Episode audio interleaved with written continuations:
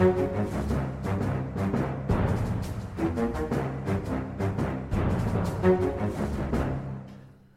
eh, Velkommen til en ny utgave av Aftenpodden. En, en liten spesial denne runden også, egentlig. Jeg er Lars Glomnes med politisk redaktør Trine Eilertsen. Hallo. Sara Sørheim, kulturredaktør. Hei. God dag. Har vi alle kommet oss etter denne intense uh, uken? Nei, det kan jeg ikke si. Jeg føler fortsatt at det er en intens uke. Men vi er jo ferdig med noe av den jobbingen vi måtte gjøre denne uken her, sånn utenom ekteskapelig, holdt jeg på å si. Utenom jobbmessig. Altså, vi har hatt en litt gøy uke, for vi har eh, lagd litt ekstra podkaster og vært litt rundt omkring.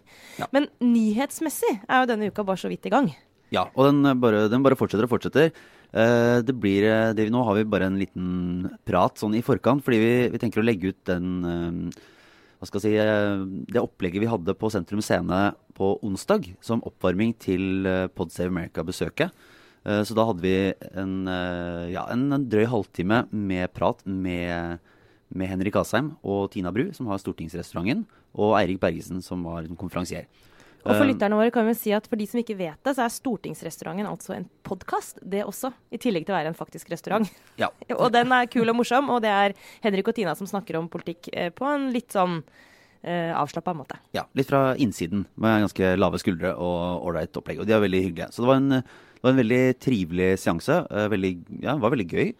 Uh, og så kan vi jo advare om at det er et, et løsere format. En, eh, en, hvis det går an, så var det enda et hakk løsere enn det vi vanligvis sitter og driver med. Litt mer fjas og litt mindre substans enn enn vanlig. Men det var substans òg, bare for de som frykter det. Ja, også, men vi må også si at når det er en sånn livesending, så var vi der jo i litt sånn vår jobb eh, onsdag kveld, var å liksom varme opp for disse amerikanske podkastheltene. Eh, og vi var vel litt preget av at vi hadde vært på samme fest kvelden før. Så om noe, noen lyttere syns det var litt mye sånn eh, om, om det blir mye sånn interne jokes, så må vi si unnskyld for det. Ja. Og så skal du bare vite at de lo noe jævlig i publikum. Ja. Så da kan, eh, kan dere synes hva dere vil. Levert på oppdraget, vi. Sånn. Ja. Nei, men eh, bare, siden, bare siden den gang. Det, vi snakker om i, eh, i selve den sendingen, er jo litt eh, metoo og litt Trond Giske og litt SSB-høring. Uh, litt grann Trump. Uh, litt, Ja, det var jo, annet. mens vi sto på scenen, var jo Erna Solberg i møte med Donald Trump, så det var vanskelig å ikke snakke litt om det. Ja. Men bare, bare siden Bare på de siste da ja, 12 eller 24 timene eller hva det nå måtte være, så har det jo skjedd, skjedd nye ting. For nå er det torsdag tidlig ettermiddag. Og eh, ja, i går, det er vi også innom, da, skal sies, uh, denne eh, Ulf Leirstein, Frp-politikeren, som, eh, som eh, erkjente og har sendt noe pornografi til eh, yngre partimedlemmer, også den 14-åring. Eh, Ja, den og- saken sprakk jo rett egentlig ganske kort tid før vi gikk på scenen i går. ja, og i eh, dag, eh, altså si, i natt, I så ble det kjent at uh, unge Høyre-leder Christian Tonning Riise uh, trekker seg fra, fra det vervet. Eh, han skrev det på Facebook og sa at han hadde mm, i eh, noen formuleringer om at liksom, i kjølvannet av metoo hadde han gjort seg refleksjoner om egen oppførsel eh, og egne relasjoner. Og derfor så trakk han seg. Og i morges så ble det klart at konsernsjef i Norges handels- og sjøfartstidene, Ja, også kjent som NHST. ja, som eier Dagens Næringsliv blant Uh, den, eh, Bjørkavåg, eh, kjent fra bl.a. Uh, debatten om eh, kjønnsbalanse i ledelsen og, eh, i norske medier. Ja, så han ble vel for alvor, så Gunnar Bjørkavåg har vært konsernleder i NHST i jeg tror det er faktisk 17-18 år. Eh, omtrent. Jeg er ikke helt sikker på om det er 17 eller 18, men det er lenge. Han har sittet i jobben lenge. Ikke vært en veldig kjent person i eh, norsk offentlighet, men ble det jo i høst, da. eh, ufrivillig. Gjennom denne T og Scones-gate, som han eh, Ja, han prøvde å uttale seg om eh, dette med kvinner i toppledelsen i næringslivet og i mediebransjen, og kom i skade for å uttale seg litt klønete. Og så vet vi ikke i dag om det er derfor han nå slutter som uh, toppsjef i DN, nei, i NHST, som eier DN. Ja, det er en eh, viktig disclaimer. ja. Uh, han, uh, han har gitt seg Sist han var kjent for den norske offentligheten, var da han eh, rotet seg inn, padlet seg inn i eh, debatten om kjønnsbalanse i medietoppen. ja, og fikk den gangen ganske sterk kritikk av sin eh, styreleder Anette Olsen. Eh, og nå går han altså av etter det hun kaller en grundig prosess. Ja. Men det, det er nå så, men det i hvert fall det er i dette lendet Vi kan jo gå på, på disse sakene. Nå, nå begynner vi å se konkrete effekter. Da, hvis vi tar noen tar Bjørkavåg til litt til side, som skal slippe å være en del av metoo-bevegelsen som sådan. Men, eh, men likevel. Nå kommer litt sånn konsekvenser som i hvert fall kanskje jeg etterlyste da Du, litt du var veldig opptatt av det rett før jul, Lars. Ja. du, da vi hadde snakket om metoo uke, første uken, og andre uken og var inne i tredje uken, så var du litt sånn ah, Er ikke vi litt lei av det her nå? Nå må vi liksom få en ny omdreining. Vi får litt konsekvenser. Og det er jo da tre måneder siden du begynte Ja, å snakke tror, om det. Du var litt utålmodig, Det var det, ja. Jeg, det var det på, jeg sa det på, men det var femte-sjette uka. Ja. uh, vi hadde snakket om det i podkasten, og det var altså All ære for det, da. Men eh, da, jeg var blant de som har ment at det må, at det må komme litt konkrete konsekvenser ut av det. At det ikke må være sånn bare anonyme historier og opprop. Uh, og så er det jo veldig delte meninger om akkurat det, da. For noen mener at det er det beste ved hele, hele den prosessen i Norge, er jo at det har vært så, så anonymisert, og generelt. Eller hva skal vi si allment. Ja, men vi har jo snakket om det hele tiden. At med en gang du begynner å nærme deg eh, makten uh, og innflytelsen, og liksom folk som har stor innflytelse over andres liv, uh, og kobler med denne problematikken, uh, eller folk som sitter i en posisjon der du kan, kan påvirke andre andre grunner, da, da kommer identifiseringene, da kommer navnene. Eh, Trond Giske er jo den mest profilerte, eh, åpenbart, som har gått med i dette dragsuget.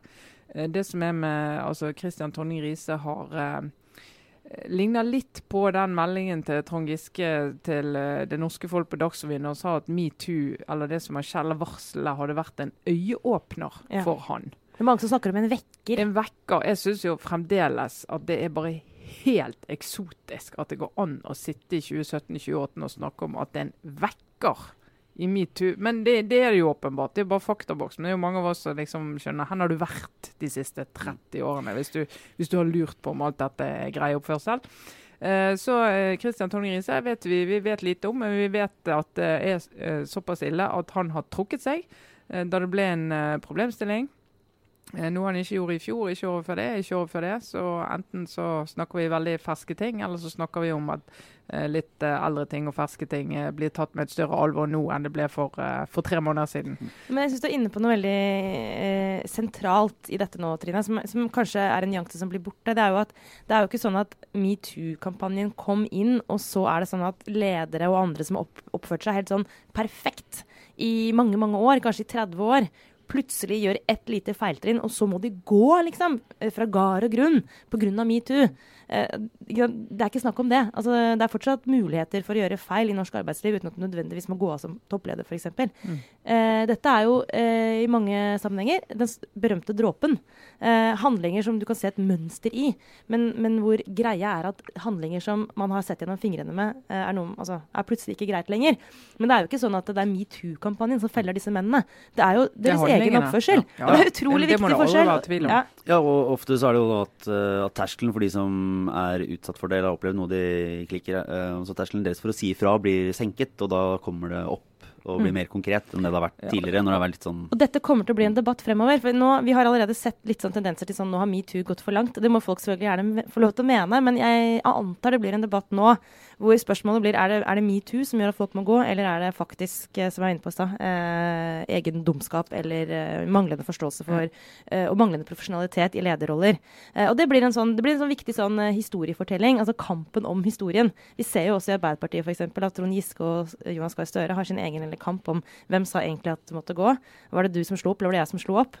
Og sånn kommer det til å bli mye av nå fremover. I sånne retoriske øvelser. som det er, det er viktig å holde bare tunga rett i munnen. Tror vi nå, med, med Tonning Riise, tror vi at vi kommer noe nærmere å finne ut hva som har, eh, hva som har skjedd? For det er jo en litt sånn klassisk manøver, da. Uh, å gå ut på egen Facebook-side har blitt en, en, en sånn kommunikasjonsstrategi når det er et eller annet ubehagelig eller man må erkjenne noe feil. Mm. Og så sier man fra på Facebook, og så gjør man seg ikke veldig tilgjengelig. Og så tenker man at det tar litt sånn luven av sakene. Eller at, at, at behovet for, altså offentlighetens behov for å vite hva som, eh, hva som har skjedd, hva det innebærer, minker fordi ja, man har sagt fra seg vervet og lagt seg flat. Altså, vi, har, eh, vi har hatt diskusjoner tidligere der eh, husker vi hadde en diskusjon om en, en eh, administrerende direktør en gang som eh, oppførte seg ufattelig dårlig langs disse linjer, eh, og som eh, på et tidspunkt gikk av. Og Da var det sånn diskusjon skal vi skrive om det vi vet om hvorfor eh, han gikk av og alt det. Men da var det liksom han fikk sparken, han var ute og borte. Saken var håndtert. Eh, var ikke den type offentlig person. Gjorde ikke det. Eh, I Tonning Riise sitt uh, tilfelle, uh, som jo er det med å gå ut sjøl på Facebook, det er jo også et forsøk på å på en måte ta en sånn OK, nå legger jeg meg helt flat og beklager. og håper jeg det klassisk PR-strategi. Men altså, han er fremdeles stortingsrepresentant. Han er tillitsvalgt. Masse folk har stemt på han for at han skulle komme på Stortinget. Der skal han sitte i fire år uansett. Eh, han er leder av en, en partiorganisasjon. Masse tillitsvalgte, masse medlemmer som uh, har behov for å skjønne og forstå hva som nå skjer. Uh, så jeg mener at vi, altså I opplysningspliktens ånd så er vi nødt til å fortelle mer om hva, hva dette handler om. Ja, så er det et aspekt til, og det, jo, det gjelder egentlig hele alle disse sakene. Det er jo um, den personen som har gjort uh, ting, og hva vedkommende har gjort, kan være journalistisk interessant. Men så er det nesten vel så interessant også, hvordan det apparatet rundt har reagert. Og Det vil være viktig for, det er viktig for Arbeiderpartiet fremover, det er viktig for uh, både Unge Høyre og Høyre fremover. Uh, selv om den konkrete personen ikke lenger da er i vervet, ja. så er det likevel også viktig for oss. Og det, det kommer vi sikkert til å gå inn i. altså Hvordan har uh, partiorganisasjonen reagert på meldinger om denne typen oppførsel? Og Vi ser det i kulturlivet. Vi har en sak i Aftenposten i dag om Kunsthøgskolen, altså KIO, som har, har fått varsler inn om lærere som har uh, oppført seg på en måte som faller innunder seksuell trakasserings uh, i den sekken. Uh, og da er det interessant, Hva gjør institusjonen for noe uh, når det kommer sånne varsler? Fordi Hvis du er uprofesjonell i møte med det, så er du ikke kvitt problemet, selv om du er kvitt én person som oppfører seg sånn. For det vi vet helt sikkert, er at det, den typen oppførsel den blir ikke borte. Det er måten vi reagerer på vi kan gjøre noe med. Så det er liksom, uansett interessant å se på hva ja, skjedde i organisasjonen. Ja, og Generalsekretæren i Unge Høyre, Maria Bastad Sanner, jo, sa jo i dag og var veldig tydelig på at hun syntes det var riktig at Tonje Riise trekker seg. Men hun sier også at vi har ikke mottatt varsler. Vi har mottatt bekymringsmeldinger før.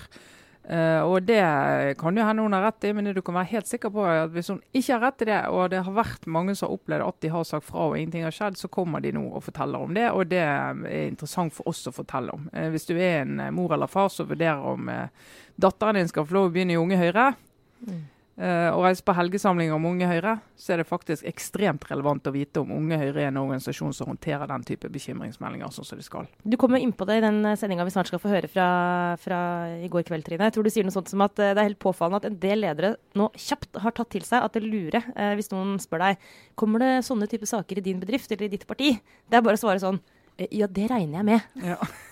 Hvis du skal være sikker, liksom. Det, det, det, men det er bra, det, fordi det betyr at vi har forandra oss. Jo, mm. altså, vi må ikke glemme at eh, altså, Jeg har respekt for virkelig at disse sakene er utrolig ubehagelige for de det gjelder. Men hvis du skal løfte blikket litt fra det altså, Dette her er jo, det er jo egentlig helt sånn Det er fantastisk eh, at vi, det tidsskillet faktisk kom. At det ikke bare ble de der eh, oppropene, og så ble det stille. Altså, at det blir konsekvenser ut av, ut av dette, det er jo helt utmerket. Det er jo sånn det bør være.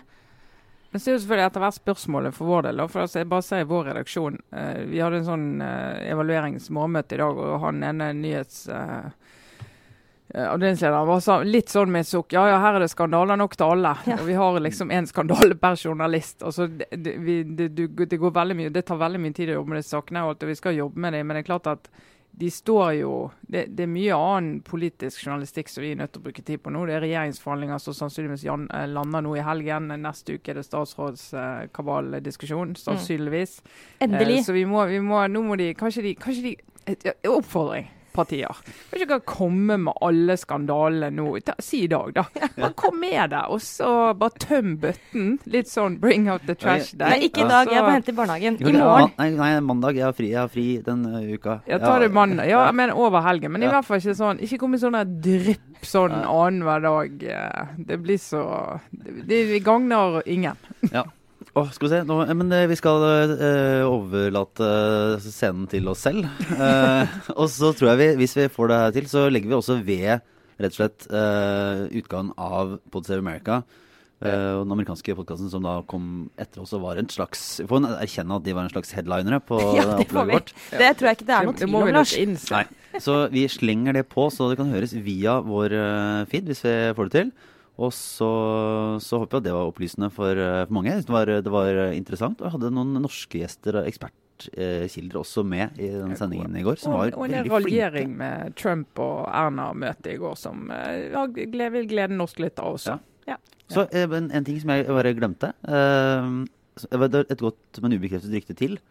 Uh, som, som, jeg bare ikke nevnte i går. Som var fra, fra uken som har vært. Jeg kan har gode uh, kilder på at uh, For jeg var, et, uh, var et tilfeldigvis i et selskap. Altså, at heller ikke Natos generalsekretær, altså en av verdens mest innflytelsesrike menn, tidligere norske statsminister Jens Stoltenberg, er helt stødig på den når noen holder en tale og så skal utbringe en skål, skal de da Skal man skåle først, eller klappe først? Vet hva, det der, er et, det der skaper trøbbel i hvert eneste sånn halvformelle lag man er i. Ja. For det er så pinlig når du har holdt talen. du må jo skåle først. Er det sånn det er, Trine? Ja, men Hvis ikke blir det jo helt klodrete. Ja, problemet er jo at det er jo ingen som vet, så, så det kan godt hende Altså det kan godt hende at Jens Stoltenberg egentlig vet å gjøre det helt riktig, men da var det ingen andre av de som var rundt, som visste hvordan det var og skulle gjøres riktig. Ja, Så hva, det blir- gjorde, hva gjorde han da?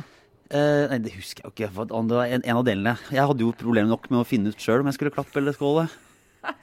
Da vil jeg foreslå helt sånn til slutt at uh, Jens Stoltenberg han har en viss innflytelse i verden. Hvis han hadde giddet bare i en liten pause å lage sånn, bare et notat, eller hva de lager, sånn universelt, uh, liksom. Bare sånn Vi gjør det sånn. Ja. Greit. Nei, ja, Da jeg, jeg skåle først, klappe etterpå. Ja, Er det? ja for det det, blir så klodrete. For så vet du ikke hvor lenge du klapper, og så skal du ta opp igjen, og så skal du si ja, forresten, jeg glemte, sett, ja, jeg glemte å skåle, vi må skåle, og så blir det sånn rart. Nei, man skåler først og klapper etterpå. OK, Trine sa det. Da er det ferdig. vis, ja, da viser at den regel, da. Så får vi se. Nei, men uh, da overlater vi også til, uh, til gårsdagens uh, show. Der altså Eirik Bergesen leder samtalen. Tina Bru fra Høyre og Henrik Asheim fra Høyre, som da har podkasten Stortingsrestauranten, er med og prater mye tullball, eh, egentlig, med oss. Men jeg håper det er gøy. Fint, fint. Og så er vi tilbake neste uke med Det blir tung politikk politikkuke neste politikk. uke. Så det, uansett blir det det. Ja, Det kan vi love. Nettopp. Ja, men det er fint. Kjør i gang. For Vi har nemlig eh, to veldig flotte podkaster i Norge også. Eh, de heter Aftenpodden og Stortingsrestauranten. Ledes av eh, ja, både journalister og, og politikere. Eh, og her for å snakke litt om da både CV America sin rolle både i USA og for, for oss her, eh, og hva som skjer i all verden som skjer i Norge om dagen, er Aftenpodden og Stortingsrestauranten. Vær så god.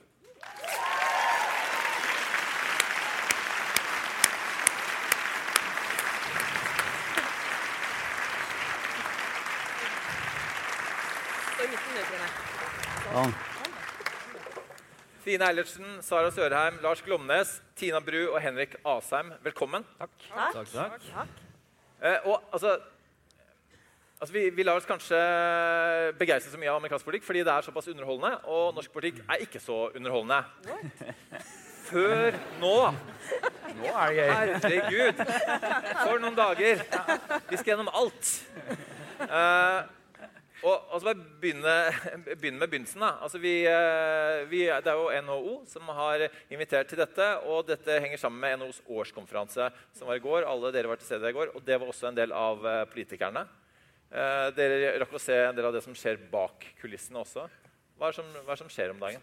Sara Sørheim syns det er så utrolig spennende med en års, eh, årskonferanse, så vi bare snakke om det faktisk ja. i en time. Ja, eller tre, hele trepartssamarbeidet. Synes jeg er blitt, jeg er utrolig interessert i det. Og egentlig dette, trinet med hvor mange arbeidsplasser Ja. i offentlig sektor, sektor versus privat sektor bør vi gå for de neste årene? Ja, men det var, det var en som sa det på scenen i går. Da fikk jeg fra Sara det der burde vi jo faktasjekke om det stemmer. Altså. For på Trine sa Sara, du er den eneste i denne salen som ikke vet at dette er et faktum. Takk, Trine. Proud moment. Men Sara, hvis du begynner på, hvis du tar, begynner på nachspielet på Lorry i går kveld, så spoler du litt tilbake. Og tidligere på kvelden. Ja. Hva, hva, hva var det som skjedde og som la grunnlaget for, for det nachspielet? Men altså, hva skjer i norsk politikk om dagen? Hva skjer i, Norsk politikk om dagen? i norsk politikk? Herregud. Og Lorry, liksom. Det skjer jo alt. Ja, hvor skal vi begynne? Nei, vi begynner på, vi begynner på metoo, eh, som har skapt mye opprør, ikke minst i Arbeiderpartiet. Ja. Er det noen som føler for å oppsummere? Liksom? Se på oss. Så disse har vært veldig forsiktige i mediene. Ja, så vi, skal, vi må Av en eller annen grunn. Eh, eh, så, så vi skal lokke og lure de litt. Jeg tror dere må Ja, begynne. vi kan altså. men det er ikke altså, vi, det, det, vil jeg jo påstå. Vi, når vi spår, og så eh, spår vi feil, så innrømmer vi det ofte. Vi prøver å gjøre det på den. Ja. det på den. Litt ydmykhet. Og det er jo fordi at vi, vi, vet jo, vi vet jo at vi blir jo tatt med buksene nede rett som det. Men når vi da spår og har rett, Så syns jeg vi skal få litt anerkjennelse da for det òg. syns jeg at vi skal snakke litt om det. Og fredag før jul så det var i hvert fall min mening at eh, Giske måtte trekke seg. Og måtte gjøre det, På grunnlag av de varslene som var kommet. Eh, og Enkelte diskuterer jo kommentatorenes rolle i dette, her, i hva grad vi driver frem eh, saken sånn som den blir. Mitt utgangspunkt da var at Giske eh, satt på riksdekkende fargefjernsyn Dagsrevyen, og sa det har skjedd ting, burde ikke gjort det. Godt voksen mann, mye alkohol, eh, asymmetri. hans partileder går ut etterpå og sier at her snakker vi om eh, seksuell ladete Nei, vi må, vi må huske den formuleringen, for det den blir stående i historiebøkene. Er, altså, er det noen som husker, Hva var det han sa? Eh, ubehagelig oppførsel av seksuell karakter. Ja, var det. Ja. Og da og så, så var nøk- Nøkkelspørsmålet var jo, som han svarte på, vil det komme flere saker? Ja, det trodde Trond Giske. Da, da mener jeg at da kan du gjerne tro at dette går over. Du kan ønske det. Du kan liksom håpe det. Men det gjør det jo ikke. Og, nå, nå, eh, og de gjorde det ikke. Nei. Vi, eh, det vi ble enige om da, på pressebordet på nachspielet i går, det var at eh, Jonas Gahr Støre har vært veldig flink i denne saken i 2018. Så han ble faktisk, han ble faktisk flink eh, klokka ni om kvelden første nyttårsdag. Ja. Og de, dere var også veldig flinke i den saken her fra desember 2017. Men hva med de 25 årene før det?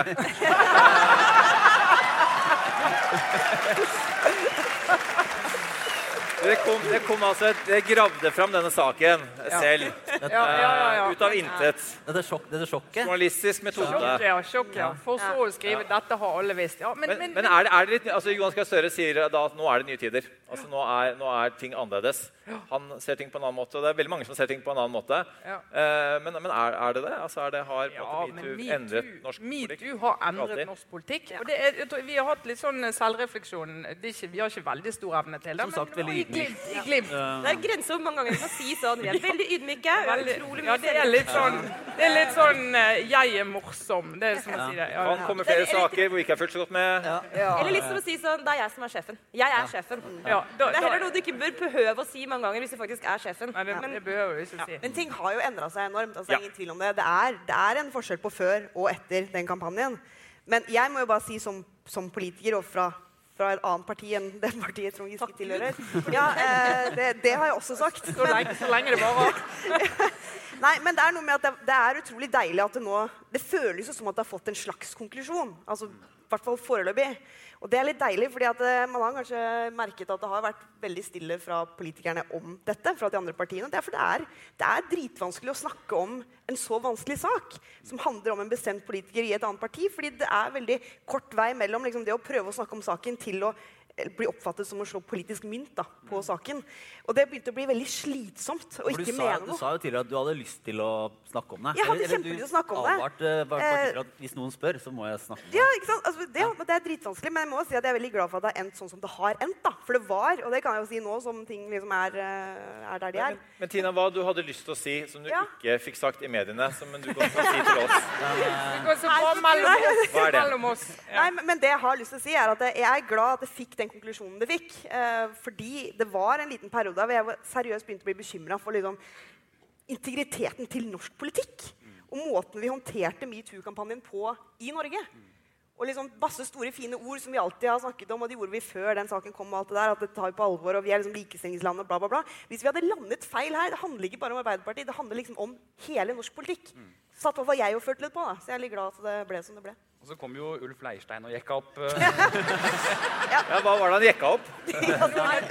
Jeg ser din uh, kløverknekt. PDF, Og er det noe dere bruker som en sånn uh... ja, kommunikasjon? det er det rareste med den saken. Ja. Men Henrik, han var jo, han var jo en, var en, vanskelig, var en vanskelig tid. Ja. Da, Ja, så det Hva Det var- I dette jævla PK-landet. Hva han gjør, er å gå inn på en pornonettside, ta print screen, legge det inn i en PDF og sende det til 14-åringer.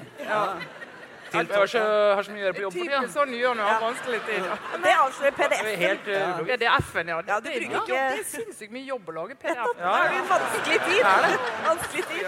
Og så må du beskjære riktig. Ja, ja, jeg vet, Grusomt. Ingen klarer å Bare åpne Å hvis ikke overføre ting til PDF er veldig vanskelig. Ja, det er at, han kan, at den kompetansen finnes, kan sikkert brukes til noe annet òg. Ja. Det er godt å vite Men den der koblingen mellom å ha bare Det lurer jeg altså, Det er ofte sånn når du forklarer at du gjør det, så jeg har vært, hatt en tøff tid. Ja, men, men det, var, ja, var det er- Ikke plag andre med det. det tenker jeg. Hva med å Ja. Hvis du har en tøff tid, da. Alle kan ha en tøff tid. Ja, Jeg bare skjønner ikke, det er bare, ikke- jeg skjønner ikke logikken. Nei. Men da, går det, da, da sender jeg hardporno til barn. Det gjør jeg når jeg har, har det vondt. Det, og det er jo helt rart at vi er her nå, at den saken kom i dag, så bare ah, Da kom Ulf der. Der, der skjedde det òg. Fordi Men Du sa, det, du sa Tina sånn- sa at du var glad at den saken er over. Men, eh, Så det blir okay, altså med det dere vet av norsk politikk, er denne saken virkelig over nå, da? eh, Ja, men, nei, men det har jo skjedd noe. Rett før jul så tok vi en ringerunde til partiene og spurte hvilke partier har fått varsler. Og Da har jo alle fått, unntatt Senterpartiet. De hadde ikke. Drev ikke. For der er sånne ting greit. Ja, det, det greit. Og så, så var det bare rett etter jul. Jo, da var det visst kommet et par, tre, fire varsler likevel. Men, men det, det gode med dette, det gode med dette er Og det, der tror jeg faktisk norske politikere har hatt en de, de, de har tatt et steg tilbake og så har de tenkt ok, hvordan skal vi snakke om metoo på en måte som gjør at vi ikke For det, det er jo veldig fristende å gå ut og si nei. Altså, Vi har så gode rutiner. Og Arbeiderpartiet var jo litt der. Vi har så gode rutiner. Vi, og vi er likestillingsparti, og vi er, mot, vi er faktisk mot trakassering. vi, Så det har ikke vi. Og, så, og, så, og det du gjør, da sier du til de som opplevde at det må ikke komme til oss med det der. For vi, det er litt sånn som gamle Sovjetunionen, som ikke hadde psykisk utviklingshemmede. Og nå har de ikke homser. Altså det er sånn, vi, vi har ikke det. Hvor lett er det å være den personen da som skal Så du må si, du må si som partileder at Og det har de begynt å si nå. Jeg tror det kommer flere saker. Spør du en partileder Oi! Ja, ja, ja. Stadig vekk. Og renner inn. Bare ring! Oss skal ha landsmøte snart òg, så det blir sånn. Nydelig anledning. altså nå er vi jo, det er jo over i sånn 2.0-fase. Eh, men for Arbeiderpartiet er jo ikke den saken ferdig i det hele tatt. Eh, det er jo ikke noe grunn til å tro det. Men akkurat eh, at, at Trond Giske nå endelig kom til den eneste rette konklusjonen, som var å, å gå av som nestleder, det gjør jo at saken går over i en ny fase. Og det er veldig bra for alle de som er involvert. Og det burde jo eh, for det første Trond Giske sjøl forstått 22.12. Eh, og alle rundt ham, og alle i partiledelsen. Eh, altså, det, det, fortsatt mener jeg at det er helt uforståelig at den prosessen fikk dra ut eh, gjennom de juledagene.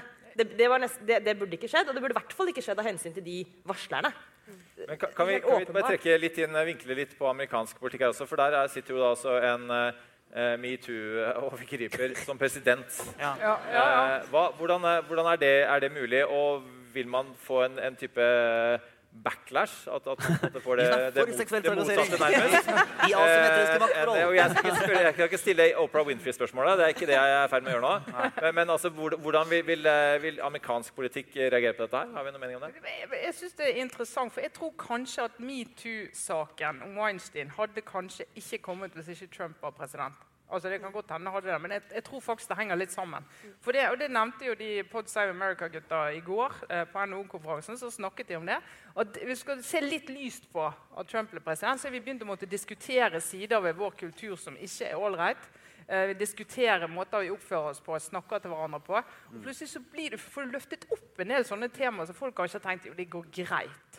Og så kommer den saken og så har liksom Jeg vil si, det, bare sånn, det er om å gjøre å få skvist inn mange nok ganger i løpet av den samtalen her at vi var og spiste litt sånn middag og hang med de gutta. Det er veldig Ja, det synes jeg Så bare, Nå like før det sånn Liksom, John, da. men kan vi snakke litt bare om det? Skåle og så drikke litt, og så er det Det er vanskelig å gjøre det uten å røpe at eh, en i Entourage, Significant Other av John Lovett, er altså den mannen som rullet opp eh, metoo, Ronan Farrow.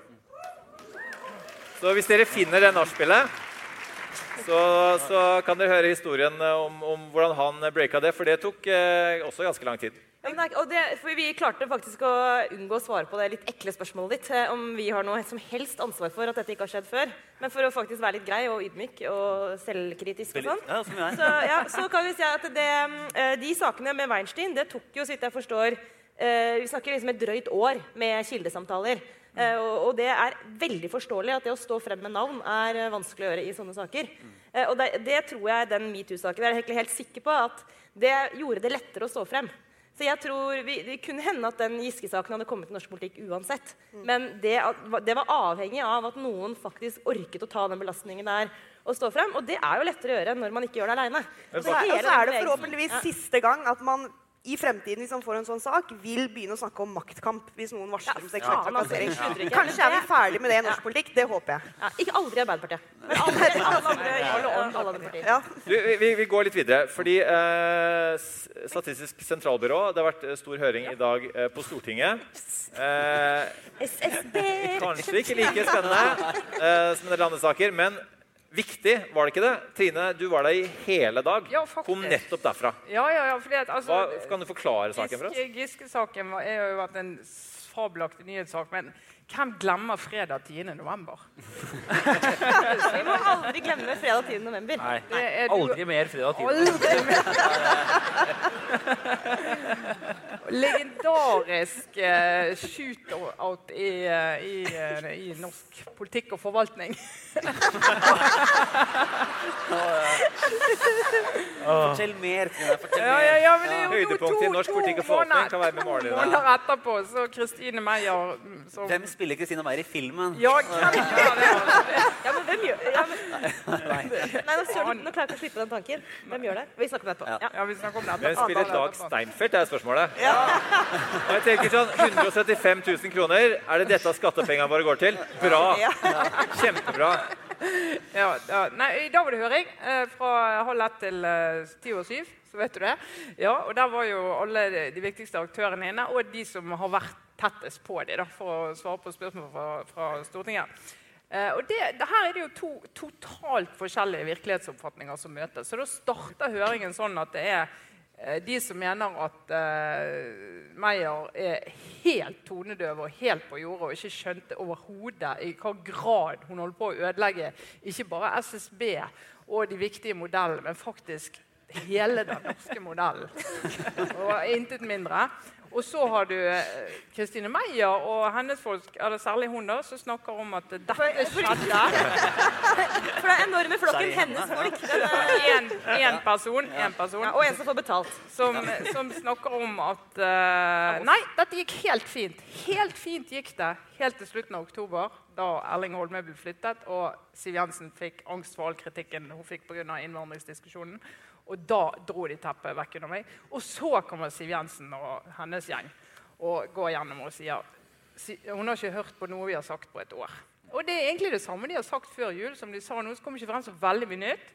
Eh, men nå skal jo, det eneste var at et par av de der nære rådgiverne kommer litt mer detaljer. Han Telle, så eh, forskningsdirektøren i SSB, som har jobbet tettest med meg i dette, han hadde ganske sånn interessante betraktninger om uavhengigheten til SSB som går langt utover denne saken. her. Men dere kan gå hjem og se. Regner med dere skal hjem og se det på stream. Ligger på stortinget.no. kan dere gå inn Det og skal ikke jeg se engang. Så. Denne podkasten blir streamet, så jeg kan spole til den biten her. Ja.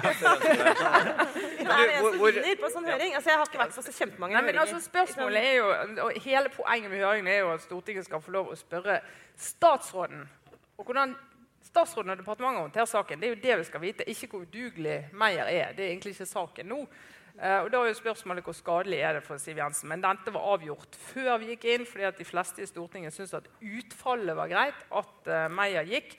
Så nå er det litt sånn statsrådsplaging, men jeg tror, eh, jeg tror ikke hun kommer eh, Men, veldig skadelig Tina og. Henrik, dere sitter tilfeldigvis på Stortinget og har et program som heter Stortingsrestauranten. Eh, altså, Hva blir snakket om i Stortingsrestauranten rundt denne saken her? Så, kanskje ikke den mest underholdende saken, men er det, er det politisk viktig? Jeg Har vi ikke snakket om det én gang? Men sa sånn, nei, jeg skjønner ikke den SSB-saken. Det var veldig jeg start. Nei, bare kjedelig. Det var folk så opptatt av det. Men det var før. Det var Men Henrik, før. hva satt, men si litt fra statsråd, da vel? Hva Ja, Ja, sånn når man satt i Ja, da ja. du, da du var jo minister en liten stund. Ja, de ti ukene jeg var statsråd. Ja. Det er litt sånn når mannen satt i regjering. Ja, ja, ja.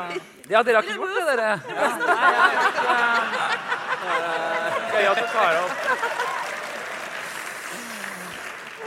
Dere burde ha snakka om den saken da. Eh, ja, men det er sånt man ikke viderebringer. Det, det? Ja, ja, ja. Hen Henrik har blitt, Tina sa det i, går, da, at Henrik har blitt utrolig høy på pæra etter at han var, uh, etter at han var statsråd. Ja. Så, så kom, eh, Men det er rart, for når han var statsråd når vi prøvde å liksom finne tid til å lage podkasten, det var et helvete. ikke sant? Altså, han kom inn, jeg har innmari dårlig tid, jeg måtte rigge opp alt. Og så var det, nå må jeg gå, jeg må gå, jeg må gå. Skikkelig sur. Ja, jeg er glad å få du ikke hjelp er der lenger. Mine kommunikasjonsfolk måtte finne tid. ja, sånn var det. Det er grusomt. Det er Men, grusomt. eh, men eh, nei, det var gøy, det. Men nå er jo det farligste som finnes i norsk politikk, nemlig en avgått statsråd. altså, Nå er jeg bitter og skriver bok. jeg glede meg til mem- memoarene. Et liv i spenning. Ja. Robert Eriksson sin bok er et godt uh, forbilde. Ja, ja, det er det. Jeg blir liksom litt intern kritiker, altså, men begynner kronikken med sånn da jeg var statsråd. Ja. Jeg signerer alt nå med tidligere kunnskapsminister. Ja, ja, ja. ja, ja.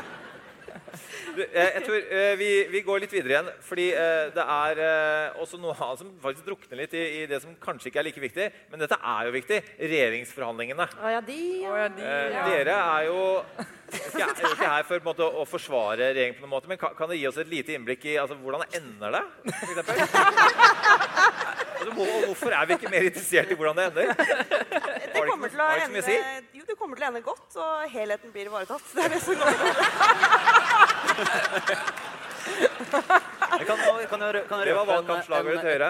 Jeg kan røpe et godt, men ubekreftet rykte fra, fra regjeringsforhandlingene. Det er faktisk det er bekreftet fra flere høytstående kilder eh, inne i forhandlingene at den lille gjengen på Hvor mange er det? Ni stykker? Ja, noe sånt. Ja. Var det? De drikker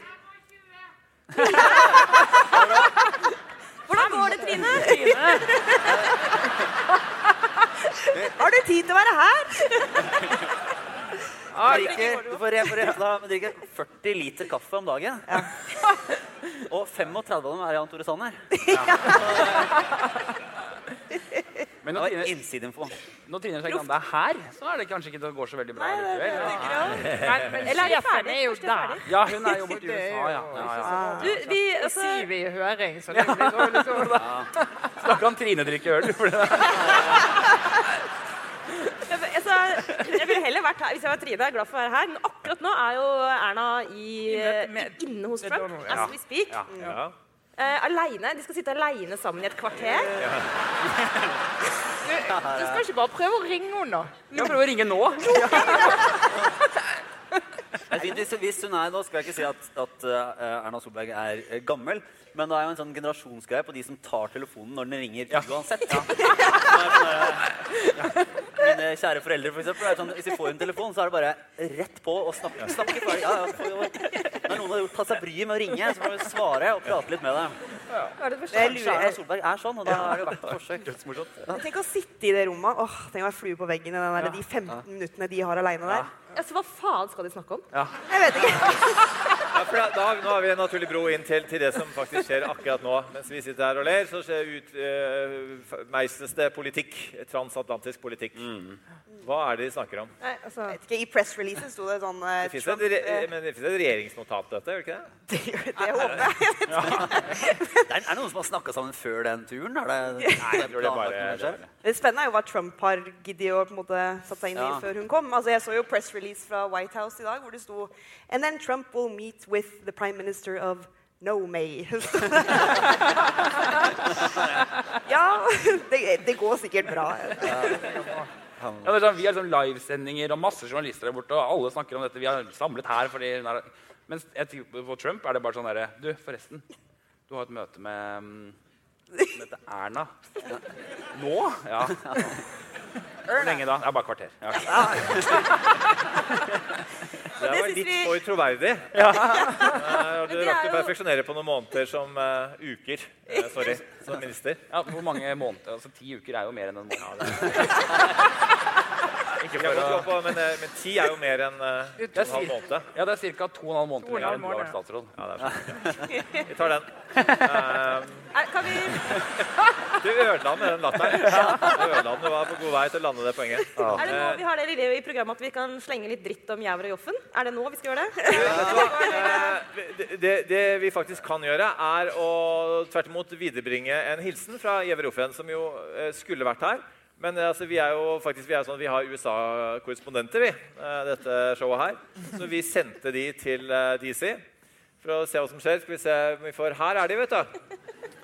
Her er de innlosjert seg på Trump International Hotel, selvfølgelig. Her bor de. Eh, Er det og- hilsen? Er det, det? Er det hilsen? du, altså vi, vi, eh, teknikken tillot ikke noe, noe skyping. Eh, så det var egentlig bare for å vise Hei, vi, er, vi var her. Samme som alle vi er sånn Hei, vi var her på Podsafe. Eh, men men eh, Nei, altså hva, hva, eh, hva kan dette lede til, da? Hva, Det er et veldig vanskelig spørsmål. litt sånne Trine. Trine. Ja, ja. Men nå går, det der går kun på ansiennitet. Men vi skal jo snakke om klima. eh, Ja, Ja. det, blir, det går sikkert kjempebra. Sikkert. Nei da, altså Men det eneste jeg egentlig vil se, er det der håndtrykket. Ja. Det der, Ja. Om Erna har lært seg det der power move.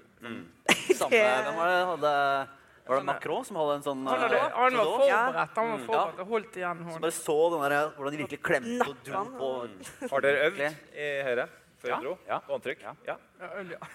Og det, vi måtte øve med et barn, for han har så små hender.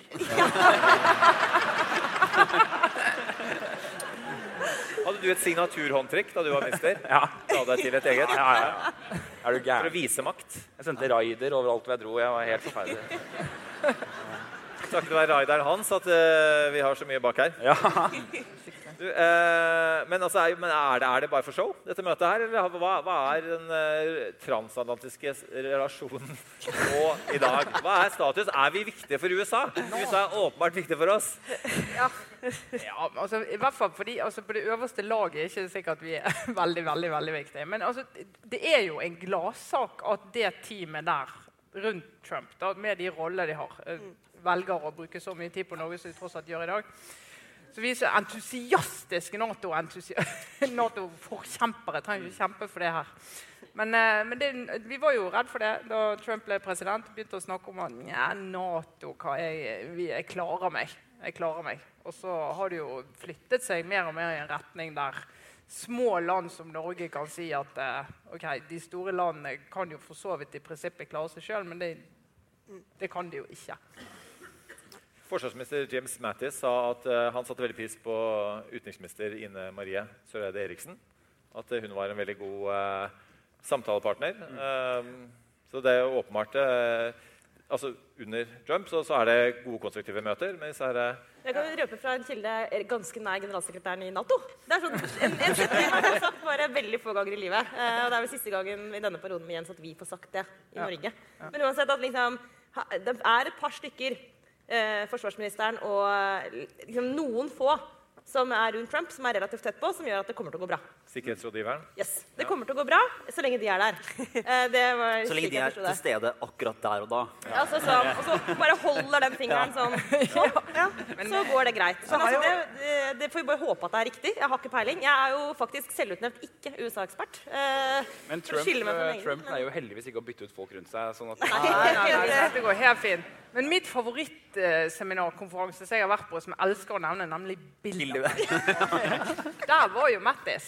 Ja. Eh, og eh, et, par av de andre hauk, ikke haukene, men eh, militærtoppene fra USA. Og det de hadde, i tillegg til en veldig sånn gøyal hårsveis, sånn hår her og helt barbert her. Nå snakker vi menn i sånn 70-årene, så det ser litt sånn creepy ut. Det var at de jogget klokken fire på tredemølle. Og det, for å si, jeg møtte de ikke der. Men, eh, men det gjorde de. Klokken fire. Da var det liksom uh, sto de på hotellet og jogget på tredemølle, disse gamle mennene. Og så snakket de om sikkerhetspolitikk. Men eh, Ma Mattis Ja. han, eh, for du hadde et han, poeng han vet, han, ja, det var det jeg hadde et poeng. Det var et poeng langt der inne. Men han, han, han er jo Han er ingen dumming, han altså. Det du skrev. Han er jo en av de Jens som har relevant erfaring. det samme. Han Ja. eh, hører på han, altså. Ja, og han har jo åpenbart gjort et eller annet rett. For har ikke Trump skrytt av han da? Eller er han fan av Jens Stoltenberg? Eller Jens Stoltenberg er hans største fan? He's Eller et eller annet sånt var det? Det er jo bra. Men, men du, du, jeg kan ikke slippe unna der, eh, Sara, for du nevnte at jeg er jo egentlig ingen USA-ekspert. Men du opptrådte en gang som USA-ekspert. Kan ikke du fortelle litt om det? Angrer på at jeg sa det. Ok, eh, nei, du, Det var før valget. Det var, eh, det var faktisk, det var da jeg skjønte dagen etter. Da du skjønte at du ikke var Det USA-ekspert? var første og siste gang. ja. Ja, Men det, det, vi, det, var, det var på en sånn valgvake, eh, presidentvalget. Og da satt jeg og noen andre USA-eksperter i sånn panel skulle si sånn hvor, hva, Hvordan vil spå utfallet av nattens valg? Liksom, hvor stor sjanse er det for at Hillary Clinton blir president? Jeg svarte sånn 70 Men det er vel altså, Hva, hva var det basert på? det var Eh, basert på absolutt ingenting. du tok deg litt betenkningstid og sånn Vent litt. Vent litt. 70 Jeg tenkte sånn, for bare, Jeg hadde lyst til å si 100, så det høres så uproft ut. å si liksom, bare, bare tar det litt. men det er jo strengt, altså, det er jo strengt at nærmere enn for eksempel de som kommer etter oss. De ville jo sagt mye mer enn 70. Ja, ja. Faktisk. Så, eh, ja, Ja. Sånn sett så eh, er det bedre å bare høre på deg. Men det må dere huske, Hvis dere blir veldig blendet av Pod Save America, så må dere huske at, eh, hvordan de, hva de sa rett før valget. da. Ja. De tok jo helt sykt feil. Ja, for amerikanske USA-eksperter tok også feil. Ja. La oss minne oss eh, alle på det. Ja, og det, men det er jo en legendarisk podkast den de laget dagen etter valget. Ja. De- Har dere, eller den det- natta. Den natten etter valget. Da hører du eh, de er sånn Fortell, fortell litt om det. Nei, altså, For da var de litt lei seg. Ja, vi hørte jo veldig på den. Ja. Og de var jo så utrolig cocky gjennom høsten og ja, raljerte med alt det republikanske, at noen kunne tro at Trump kunne vinne. Og, og så gikk det som det gikk. Og da dagen etter så sitter de i studio, og du, bare, du, kan se de for deg med den Og så de sånn lange pauser og helt sånn oh sånn døde blikk. Ja, litt sånn og så Som hele verden verden Og så sånn sorgreaksjon. Sånn, så er du lei deg, og så blir du sint, og så blir du Det han er ganske høyt opp igjen nå, da. Ja, nå er, nå er de tilbake. Relativt skråsikre igjen. Men det er jo greit. Men jeg synes faktisk det, altså det, det, går når de var på årskonferansen eh, Bing! Hvor vi også var. Supergøy, spennende, kult. eh, Hang ut etterpå. Snakket du med dem eller noe sånt? eller? Nei, litt sånn på middagen og Ja. Nei, men, men i rettferdighetens navn, Sara, du snakket med dem på scenen i går, du. Jeg skal si noe ordentlig nå. Skal si en god analyse av samfunnet. Som vi kom med i går. Nå driter du i det, for nå Nei, men ødela vi øyeblikket ditt. det er ødelagt. Jeg prøver igjen. Ja. Nei, eh, faen meg glemt hva jeg skulle si. Men, men altså eh, Nei, nå husker jeg det. Nei, det Ja. var jo, handlet jo om Herregud, dette her er veldig åpenbart dagen herpå. Men de sa jo at de hadde funnet igjen sin indre politiske aktivist. Eh, og det er jo interessant. Og, og at de etter å ha holdt på og vært sånne der oppe og analysert og sittet med sånn tall og data og prøvd å liksom regne seg fram til valgutfall, at de bare har gjort liksom full circle og skjønt at de må bare begynne å jobbe nedenfra med å skape politikk. Eh, og at det er gjennom reell aktivisme eh, at du kan forandre verden da, på ekte. Du kan ikke gjøre det i en sånn pundit-verden. og det tror jeg de helt sånn genuint. Det tok liksom et halvt år. Men Men det det, er jo interessant i norsk sammenheng også, for vi alle er jo langt fra grasrota. Det er lov å si. aktivister. De er aktivister. Dere er det, det, men, det, men det de sa, de er at de reiser til swing states og mobiliserer og får folk til å delta i sånn eh, valg lokalt. og forteller de. Ja, vi gjorde jo det, vi òg. Altså, liksom, jeg, reiste ikke til en swing state at det var kanskje. Men, men eh, det ja, ja, for, for å dra Swing-kommune. swing-kommuner. Nei, men altså, det er jo en grunn til at det er, jo, det er jo en grunn til at eh, alle var på Vestlandet hele tiden i denne valgkampen. Trine trodde bare at vi elska det alle sammen. Ja, ja. Dødsfint Det er, grunn, det er grunn til å elske det, det skal sies, men eh, ja. Men jo, altså, vi var jo der, brukte mye tid der, nettopp fordi at det er, det er viktig å vinne de, de strategiske områdene. Ja. Jeg fikk jo helt uh, panikk fordi at alle de målingene som sto i VG, det var liksom, da var det helt katastrofe for oss eh, i Rogaland og sånn, min, eh, altså min hjemplass. Men, men det gikk jo ikke sånn. Det gikk jo bra, heldigvis. Det var du det var, var det, var det på grunn av dere, tenker du? Var det, var det, Det dere, var pga. min innsats. innsats. Det var fordi at jeg Ja. Jeg prøvde noe nytt. Ditt, ditt utrettelige arbeid på Ja, jeg, jeg hadde home parties. Jeg reiste rundt. Jeg var til og med besøkt sånn barselgruppe. Som, sa Herregud. så langt gikk jeg. Så jeg gikk eh, all in. Ja. Men hvor ofte er dere altså helt sånn, hvor ofte er dere holder på med den typen jobbing? Altså, jeg lurer faktisk helt genuint på det. Altså, hva er balansen mellom sånn, sitte i Oslo og snakke med andre politikere eller pressefolk? Eller, altså, gjør, det, vi gjør det veldig veldig mye. Eh, Det er faktisk helt sant. Ja. Så, og det er, sånn, det er mange som sier sånn derre Jeg har sett uh, sendinger fra Stortinget. Det er jo ingen der. Dere sitter jo bare hjemme og koser dere. Det er jo veldig bra at ikke det er som et kommunestyre hvor alle 169 bare sitter der og hører på. Noen må være ute og sende porno på Eh, ja, noen må jo sende porno på PDF. Sende seg ikke sjøl. men, men det vi faktisk gjør, er å gå ut og snakke med folk, eller få faktisk folk inn på Stortinget som kommer og sier ting. En grunn til at jeg er veldig imot et lobbyregister, er fordi alle skjønner at Statoil kommer og banker på døra til Tina Bru. Det merker vi. Men eh, Til og med å ha på seg Statoil-capsen. Bare det går ikke. ja, Det hele Høyre, da, for så vidt. Men, men, eh, men de som, det kommer også folk som f.eks. er enkeltlærere på en skole, jeg har hatt møte med, som forteller om situasjonen på sin skole. De skal ikke inn i noe register og offentliggjøres. Det skal de få lov til å gjøre også inne på Stortinget, uten at det er offentlig. Nå, akkurat du sa det, så sa du nesten som Torbjørn Røe Isaksen ville sagt det. Når det er sagt, så har jo USA lobbyregister, men det har vi ikke i Norge. Burde vi hatt det? Nei. Funker veldig bra i USA. Da, jeg kjente at jeg ble litt sånn eh, overbevist av deg nå, Henrik. For jeg har vært veldig sånn tenkt, hvorfor ikke? Jeg må jo bare kunne vise frem hvem vi har møter med. Men på den, altså, Vi har jo Vi i vår del av verden er jo ekstremt opptatt av eh, Trine, skjerp deg. Vi er for lobbyregister. Ja, men altså Nei, det er ikke noe skam. Det er ikke noe skam, det er ikke noe skam for en lærer Men, det, å gå til en det beror liksom litt opp på sånn mistanke om at f.eks. Statoil renner ned dørene hele veien. Da. Men de gjør jo ikke det heller. Altså, hvem er det som er mest på mitt kontor? Og det vet du òg, Henrik. Ja, Det er deg. For å være helt ærlig.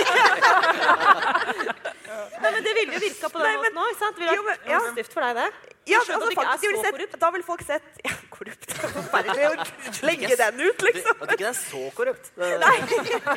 Nei, men altså, det du ville sett da, da har du sett Zero, Naturvernforbundet, Zero, DNT, Zero. Altså, det er det du ville. Det er helt greit. altså Jeg lever godt med det. Men, men jeg bare føler hele den debatten beror liksom litt på en sånn mistanke om at det er de store skumle Ja, men som kommer inn i kanskje, det. blir forskjell på organisasjoner og bedrifter og enkeltpersoner, kanskje. Det er det. Det kunne man Men, ja, men ja, ja, poenget mitt ja, er bare at det er så lav terskel da, for å treffe en stortingspolitiker i Norge, og det er veldig bra. Og alle kan komme. Det er ikke bare liksom corporations som kommer til oss. Det finnes en hel bransje som har bygget seg opp, som kalles for kommunikasjonsbransjen. ja. Eh, som har bygget seg opp på ideen om at det er veldig vanskelig å få tak i oss. Og veldig vanskelig å kommunisere. Ja, og veldig vanskelig å kommunisere. Og så sier de sånn, Vi har faktisk fått tak i e-postadressen til eh, Og det, det koster 1000 kroner. Og det er jo også vanskelig å få tak i. Må jo få sånn, eh, men det, ja. Altså, de, vi kan, altså Dette lille landet vårt det, kan, Jeg vet ikke om de kommer til å snakke om oss i det hele tatt etterpå, de som skal på scenen snart. Det får vi Eh, se, de, om de, altså, jeg kan godt hende de ikke veit at jeg er i Norge engang. Men det de, hvis de hadde visst det, eller hvis de veit det på den middagen i går, da Så var det jo veldig kort vei. Altså Rørende kort vei fra lavest til øverst. Eh, de, eh, når han eh, John var litt sånn så- Har dere på ekte en prins liksom, i dette landet? Sånn, ja, han sitter der. Bare Vil dere hilse på dem? Ja, det vil de. Vi ble litt sånn varme i trøyen, så vi, ble, vi hadde de til bords på forskjellige måter. Og Ja, så, faktisk, så begynte det var- plutselig, Jeg vet ikke om dere har hørt det. plutselig så hører jeg meg sjøl si Nei, men dere, dere kan må jo få møte kronprinsparet, sier jeg. Var jeg kan fikse det. Og så tenkte jeg ja, men da, nå, nå må jo vi fikse det. Og så var det litt sånn eh, Peter, kan du Og da Ja, Og så fiksa dere det. Kjempebra. Og så angra ja, dere dere, kjempemye. dere og Ja. dere. Det Jeg fikk melding fra Lars. Sara, du må komme. We have a situation. Kronprins bare har stukket av med uh, de nye podvennene våre. Sto vi der da og hang. Ja, men De sto og snakka med kronprinsparet i 25 minutter. Eh, ba- liksom bak en sånn mur av mennesker, og en reell mur også, som vi ikke faktisk kom forbi. og, og Eh, så gikk de hjem. så gikk det. Ja, så sånn var det. Vi har, liksom, vi, har, vi, har, vi har bygd opp et sånn hat-elsk-forhold til dem. Hva snakker man med kronprinsparet om i 25 minutter? Nei, det er det. Er opptrent, altså Hvem har hatt den gøyeste samtalen? Donald Trump eh, og Erna Solberg? Eller dette her og kronprinsparet? Det er helt, det, eller hva har de snakket om? Men, men eh, fra din eh, samtale med, med gutta, um, Sara, så for spørsmålet kom opp om dette med, med velferdsstaten og er truet. Og, så videre, og verdien av arbeid. Og så sier eh, John Ovett eh, at eh, How dare you? Altså, dere snakker om ting som skjer, kanskje kommer til å skje om 80 år, når oljen tørker ut. Liksom, mens vi har real problems right now. Eh, altså er det, Kanskje skal vi si noe lignende eh, her etterpå. altså måte, er det litt tøysete, sånn som vi holder på med våre innovasjonstanker osv., med alle de problemene som tross alt er i, i USA eh, nå?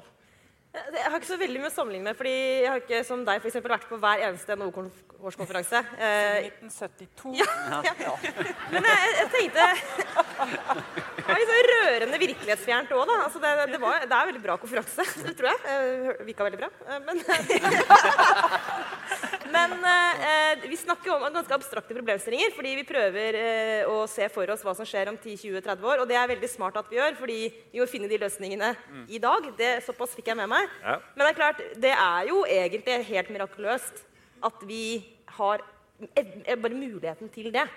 At ikke vi snakker om akutte, helt utrolig vanskelige ting som vi må løse i dag. Nei, og Hadde vi hatt det, så hadde vi ikke hatt så mye konferanser, egentlig. Ja, det, altså, det hadde vi ikke hatt tid til da. Det var jo gårsdagens beste uttrykk. Eh, partifelle Torbjørn Røe Isaksen Ja. som snakker om konferanseutsatt sektor. Ja.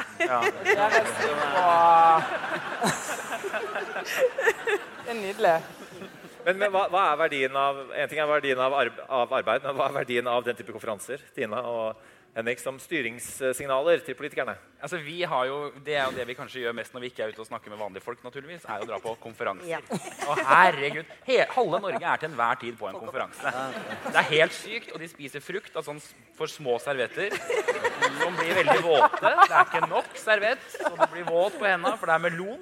Og så Og gjør man med skallet etterpå. ja, ja, ja. Men det som er at når vi er der, så er jo vi en del av programmet. Eh, og del av programmet betyr at du kanskje skal holde en innledning, eller noe sånt. Eller så er det eh, Panel. siste post. Siste Ja, post det er sånn siste panel, post. akkurat sånn dette. Ja. og så er det ikke debatt, men samtale.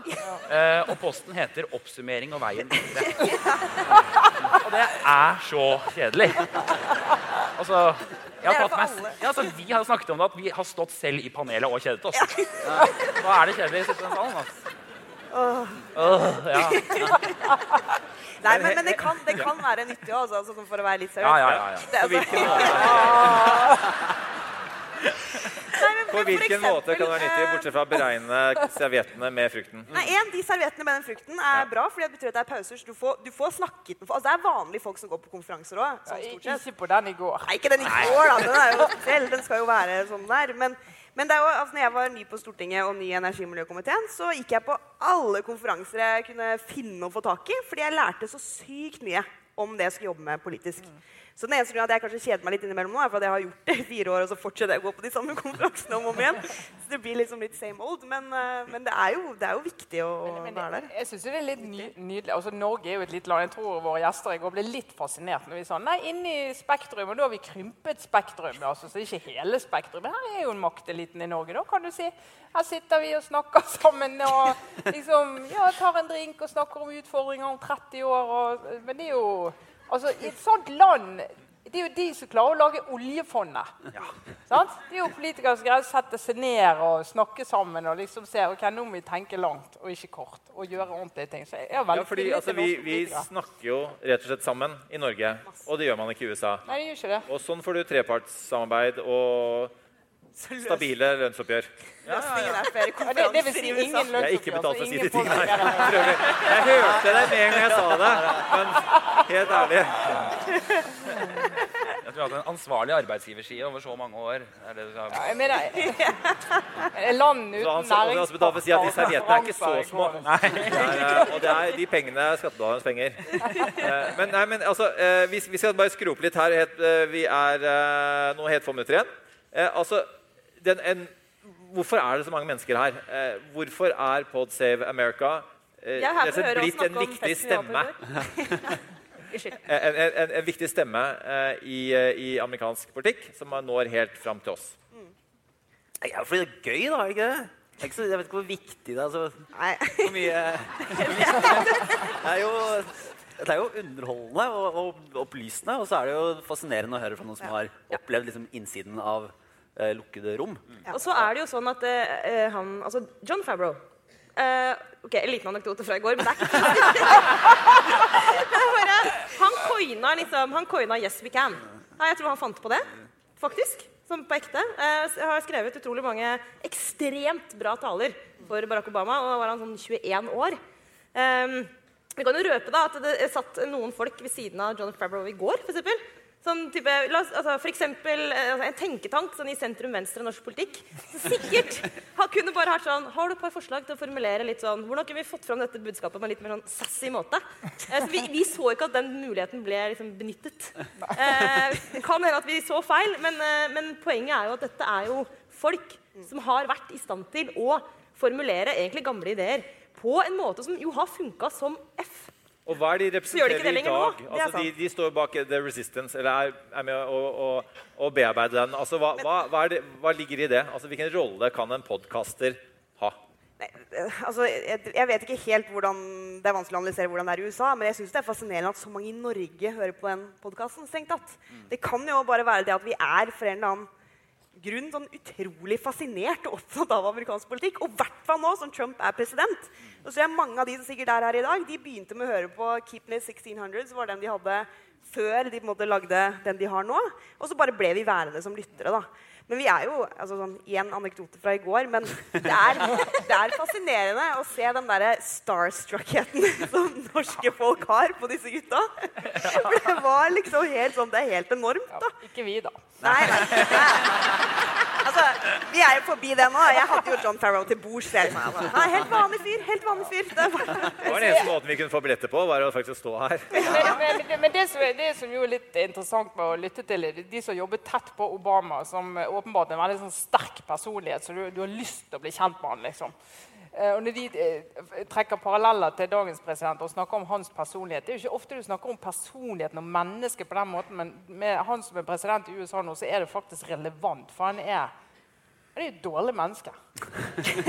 Ja, men altså, det, men det mener jeg, det, mener det, er jo en, det er jo en bekymring. Altså, det går jo an å ha litt sånn enkle mennesker og litt kunnskapsløse mennesker. Men altså, vite at du i hvert fall har folk som tror på noe og vil noe, og så ikke alltid de får det til, det er jo noe annet enn å ha noe som rett og slett fremstår som et dårlig menneske. Og den parallellen de trekker når de forteller om beslutninger og måter eh, Trump agerer på og sammenligner med Obama, så den enorme kontrasten og grubla litt på hvordan kunne pendelen svinge så voldsomt Men, men, men skal, skal politikere være moralske ledere? Trenger de, om, om ikke de er metoo-ere, så må de samle folket bak en voldsom retorikk, sånn som Obama gjorde? Er det meningen? Eller skal de ikke bare løse politiske oppgaver? Altså, Erna er jo ikke helt Hun er i hvert fall ikke metoo, men hun er jo heller ikke retorisk. hun er jo ikke Obama retorisk. Vil jo være ta i. Eller Hæ?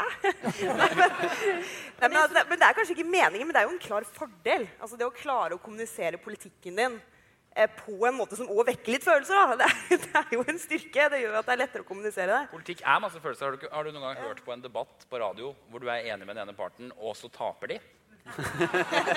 Da blir du sint, da. Det er følelser, ikke sant? Og politikk er verdier. Det er ikke bare å organisere. Da kunne vi bare lage et teknokrati som jeg tror kanskje Trine egentlig vil ha. Nei, nei, nei, nei, nei. Langt der inne et sted. Opplyst enevelde. Opplyst enevelde av Trine Eilertsen. Helt til eh, slutt, eh, folkens. Eh, disse tre gutta som er her nå, det er en fjerde hjemme i USA, kommer vi til å se de eh, i politikken fremover? Kommer de til å, til å ende opp eh, tilbake i Det hvite hus og kanskje høyt eh, fremme? Kan jeg svare? 70% sikkert ja.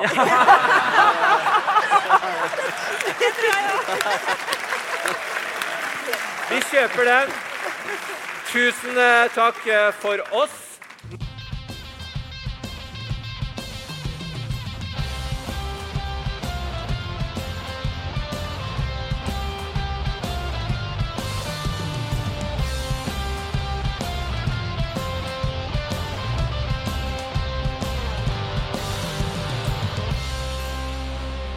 Look no further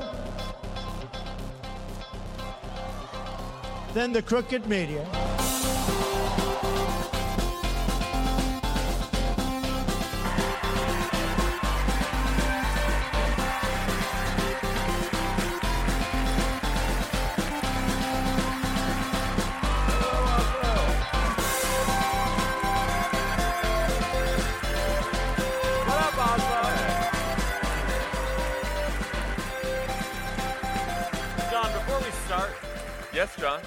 I just want to say, I just want to say that your welcome made Stock, made Stockholm's welcome look like shit.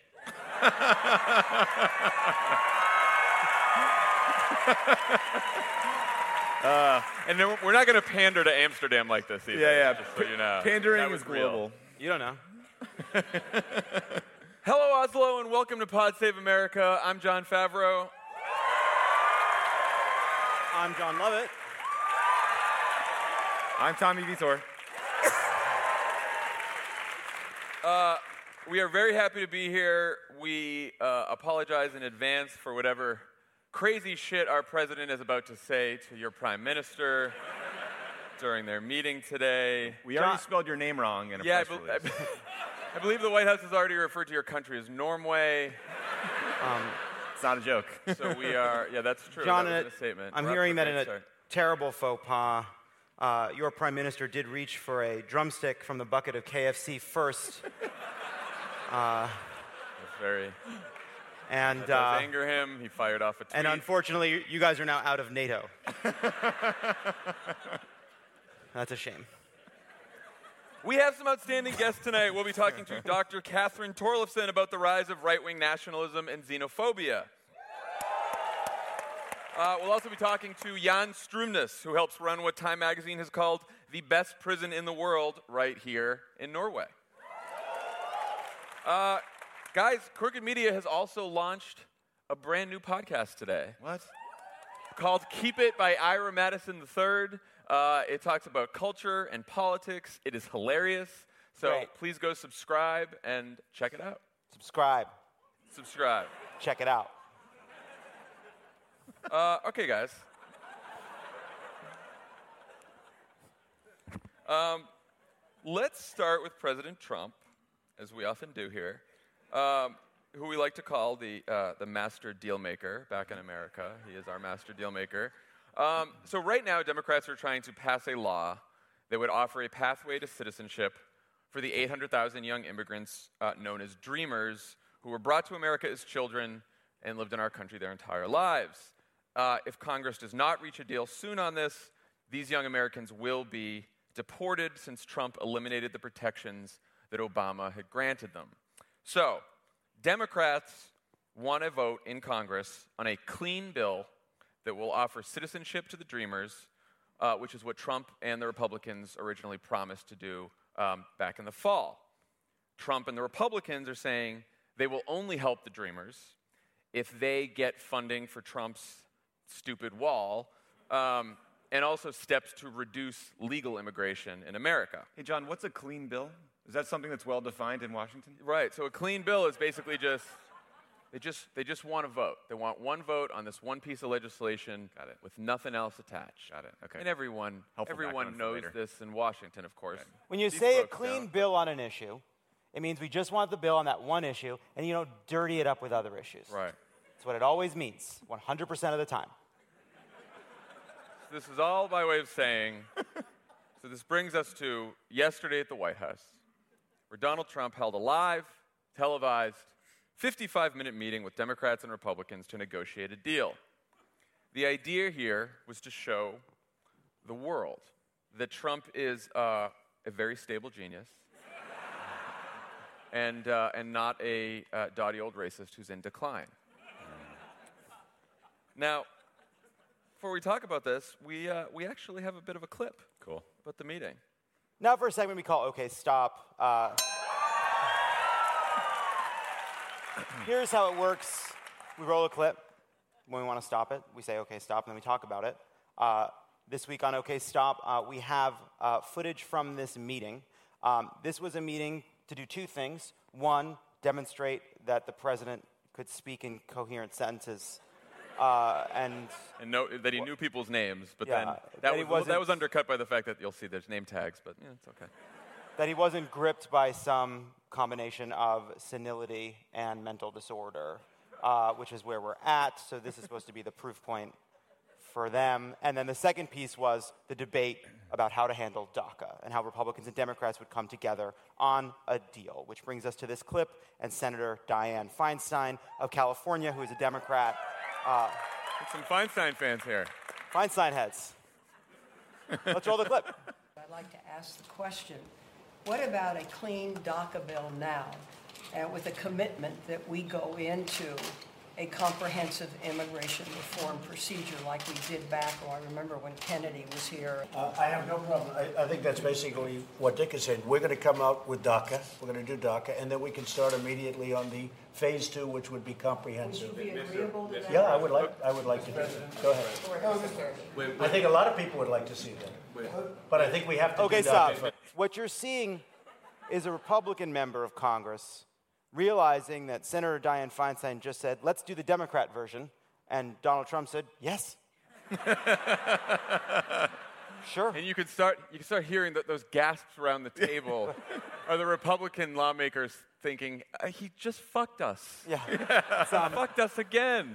And all the Democrats are like, shh, everyone be quiet. You see, See, look at look at Steny Hoyer and Dick Durbin right there, two Democrats. Their faces are Yeah. just like Dick Durbin's like, shut the fuck up. This is like um, like like they just they just sold Donald Trump a car for three times the price they thought that it was worth, and they just can't believe it. Mr. President, you, you need to be clear, though. I, I, think, I think what Senator Feinstein's asking here. Okay, stop. When we talk about. So, so that's a really perfect moment. I think we need to be clear here. And uh, what he's really saying is, I think you need to say the opposite of what you just said. and then This- when he this is said his- Kevin McCarthy, he's a Republican from California. He's a, he's a leadership in the House. He's also very stupid himself. He's the one who undercut the entire investigation against Hillary Clinton's emails by being like, look at what it did to her poll numbers. That's the only and, reason we and care. once that in- investigation was undercut, it was smooth sailing for her.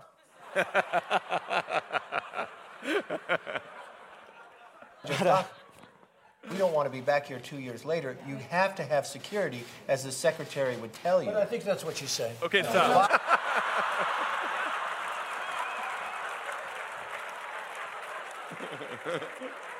uh, that is not what she said. That is not what No, she said. She doesn't think that's what she's saying. She No. said the, she said the uh, again the uh, the opposite. Yeah. You could ask. No, no, I think Go ahead, sorry. She's saying something different. No, I think a clean DACA bill to me is a DACA bill where we take care of the 800,000 people. They're actually not necessarily young people. Everyone talks about young. You know, they could be 40 years old, 41 Okay, years old. stop. He's lost the thread. He's lost the thread. That's by the way, that's that is. they say they're young. It's uh, it's his way of saying, yeah, they came here as children, but they kept getting older. Yeah. These immigrants and these immigrants having birthdays. There's, there's also no more perfect Washington moment than five 70 year old white guys telling a woman in the room what she just said.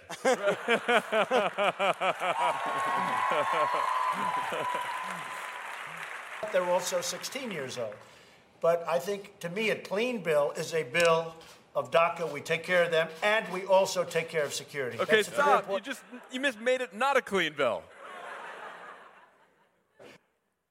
So Perfect freeze frame to end it. So many hailed this this this this uh, what do you call it? A meeting, uh, as you see, he can he has a vocabulary of a few hundred words. Uh, he vaguely is aware of the issue, though not its uh, subtler points. One, uh, one media organization said that this meeting showed that Donald Trump was the post partisan leader, bigger than Republican or Democrat, who'd overwhelm Washington through the sheer strength of stagecraft and deal cutting genius. This was that moment. I want you guys to know that That was Axios, obviously. What, what, you, what you saw in that clip was the promise of the Trump presidency. That's the best he can do. And it was, uh, we pick on Axios, CNN, like media organ, Politico, media organization after media organization, they all looked at that meeting. They're like, well, this Michael Wolff book said that he's crazy, but he wasn't crazy in that meeting. Yeah, he was, just, wrong. ignorant. He was just Yeah. ignorant and uninformed. The, the, the revelation that everyone around him, including his own children, think he's an idiot doesn't mean he can't sit quietly for most of a 55 minute meeting, because that's what he did there. I would say, like, thank God for the Washington Post who got it right, and they wrote in their lead. Um, in this meeting, Trump showed stability, not necessarily capability. It's like, Shout out Thank Ashley you, Parker. Washington Post. Was that so hard, everyone else? You know, nailed there, it. there were also a few uh, conservatives on, uh, on the Twitter machine that said something on the lines of, you can't imagine, Barack Obama never had a meeting like this. And then uh, several people pointed out that he actually did a multi hour healthcare roundtable with Republicans and Democrats where he not only did this, he actually was aware of every facet of the policy being debated. And one of my one of the uh, one one hack who is a uh, someone who's like tried to become Trump's press secretary on several occasions and David Martosko, I believe. yes, and never got the job. He actually said, "I wasn't offered to it, and I didn't agree to it." I said, "Hold on." Which one was it? But, uh, but uh, he said something like, yeah, obviously Obama had this meeting, but it was not to prove he was mentally stable. and that and, and he judged that as a win. It's like- Yeah. that, was- that was the win for him. Yeah. Um, I mean, I, to me, doesn't this clip basically confirm the central thesis of Michael Wolff's book, which is that Trump has no fucking idea what he's doing? Like, Yeah. we can focus on the mental stability stuff or not, but but the the insight in that book is that like the guy has no grasp of any policy issues, nor has he tried to learn them. There's a classic film in the United States, uh, just a, a legendary film called Weekend at Bernie's, where two young men, two young They, men. ha- they got that here. You've seen that here. Two handsome young men, there's boats involved, they drag around a corpse and they make it move. And they achieved that in that video. weekend at Bernie's is an entire weekend, this was an hour, but you know, great success. So uh, Well, I just want to make one serious point about this, which is I, I think ultimately the debate around whether or not, is he mentally stable? Is he in, is he, is we showing the signs of senility? I think the, the, the reality is whether or not that's true, and I, I, it may be very well true, and it's frightening. There's actually not that much of a difference between someone who's spent a lifetime rejecting curiosity, rejecting learning, and, and following a pattern of thought that says he knows everything and doesn't need to know another thing, and someone who doesn't have the mental capacity anymore to retain new information because they're in mental decline. I mean, Donald Trump, whether or not it's his brain or whether or not it's his own habits, he does not have the capacity to do the job, and he never did. He didn't have it in 2015, he didn't have it in 2010, he's never had it. So, end of thought. Well, so one more funny point on this. Uh, after the meeting, the White House released the official transcript of the entire meeting, um, and, and one phrase was somehow left out of that transcript, which was Donald Trump's answer to Dianne Feinstein when she asked, Would you like to do a clean DACA bill? And he said, Yeah, I would like to do it. Somehow that didn't appear in the transcript. It's uh, the, the, alt- the transcript they released said, uh, What shall we do on immigration? Crosstalk, crosstalk, so we'll build a wall. So the que- question now, guys, like, what do Democrats have to do to get this deal done? Because it does seem like uh, negotiating with a deal master over here um, is it doesn't really get you anywhere because Trump's telling people what they want to hear. Sometimes he's telling people, Democrats and Republicans in the same room, what they want to hear in two different sentences. Right. And there's a, a very real question of how engaged will he really be? What he's told that room essentially is if you guys can cut a deal and get something done, I won't get in the way.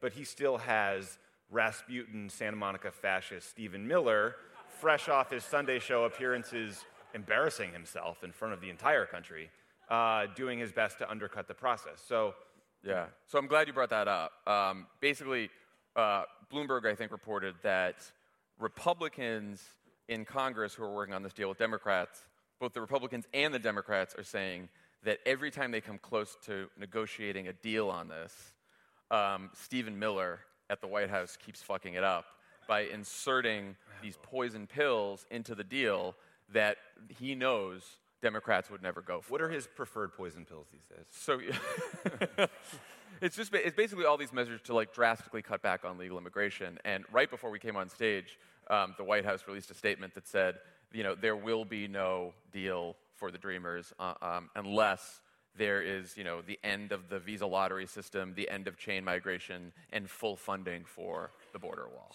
Yeah, I mean, so this is So it's hard to figure out now what, what happens next. Right. I mean, even that is a change in position. Not, I mean, those are positions Donald Trump has taken, but he says on the one hand, I'll support whatever deal you guys come to, and then the bad cop, his immigration hardliners, say, here's what a deal has to require. Um, and ultimately, it seems clear that Trump would sign whatever came across his desk. So when the White House says, when the White House puts out a statement that said there can't be a, we won't support a deal unless it has X, Y, or Z, the only reason that's true is if Republicans in Congress say it's true. Right. Um, and it's ultimately a bluff, but the question is the White House demanding it isn't what matters. What matters is whether or not Republicans in Congress decide they can use that to get it in there and, and then lay it, lay it at the feet of the president. Yeah, again, a, a normal, truly bipartisan deal here would be um, you, you know, the Democrats want a clean vote um, to offer citizenship to the Dreamers, and Republicans get some additional border security funding. They don't get the wall, they don't get you know all the cuts to legal immigration that they want, but they get a little more security funding. That's what, and Republicans and Democrats both know that that would be the bipartisan deal. And what Miller keeps doing is every time they get close to that, he throws in these extreme measures that he knows are, going to are going to screw up the deal. So that's where we are now. So the, the option for the Democrats is to say, okay, well, we have to fund the government by January 19th. You need our votes, and unless you unless you actually put the Dream Act on the floor for a vote, then you will not get our votes to fund a government that's going to deport 800,000 young Americans. Right. Yeah. And the compromise could end up being that there's some additional money for border security tucked into that. Trump can claim a win and say, here's my wall. We'll say, no, it's not. You're full of shit. And we'll move on because that's what we do in Washington. Yeah, and, and that's where, and I'm sure there's a lot, I'm sure there's probably some people in the White House and many Republicans who want him to get to that point. Because they don't want this. No one, no one wants to keep fighting on this issue. Yeah, I mean, look, this is this is not a new debate. You know, Trump brings his uh, chaos and villains to the table, but um, ultimately, we've been having this same debate about immigration for the better part of two decades. I mean, this is this is the contour of the contours of the debate. Uh, when George W. Bush was pursuing comprehensive immigration reform, it's the con- these are the contours of the debate. When Barack Obama was pl- uh, pursuing immigration reform. So ultimately, if there is going to be a compromise, it will be uh, some balance between legalization and security. Um, and Democrats should continue to draw their line on that. They should draw their line on, on DACA. They should draw the line on children's health insurance and a few other key priorities. And the only thing standing between us and a deal is whether or not Republicans actually want one. Right.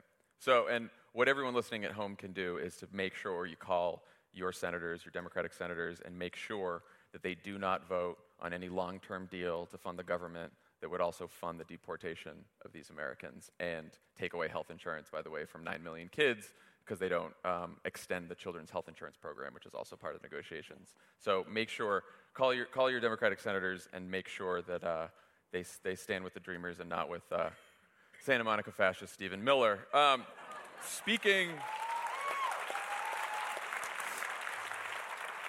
Speaking of fascists. Speaking of useless fascists. yes. Steve. Bannon stepped down on Tuesday from his post as executive chairman of Breitbart. It's just a great failure that we even know his name, honestly. it is. Tough couple months for Steve. Fired from the White House, loses a Senate election in Alabama, disavowed by Donald Trump, and now fired from Breitbart. And ladies, he's single.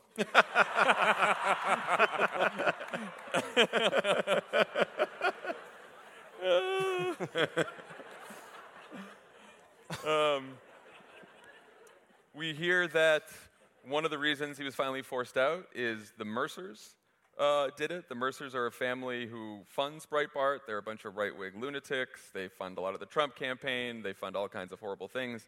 And I guess they were sick of Steve's antics. Uh, what does this mean for Breitbart now? Is Breitbart good now? No. Breitbart going to turn itself around? Breitbart is not good. I mean, look, it, Steve Bannon uh, made the cardinal sin of thinking he was more important than the office of the presidency or that he was an indispensable staffer. And Washington goes through cycles. It happened with people in the Obama White House, the Bush White House. No one is, is indispensable. That place will open its doors the next day, whether you're there or not, and you have to be, you have to be self aware about that when you go in. And what Steve Bannon was was an opportunist who was well funded by his little pet billionaires, and he monetized fascism and racism uh, and was in the right place in the right time and used it to manipulate the US political system. And it is fantastic to see him fall on his face, but I wish it was not because he told the truth about Don Jr. being a moron and Jared Kushner being a fucking moron, and that it was, you know, that he was uh, excised from Washington because he was a racist, nationalist, you know, peddler of grievance politics that has done enormous damage to the country. So, I'm like, the outcome is great, but you know, the, the, it's not.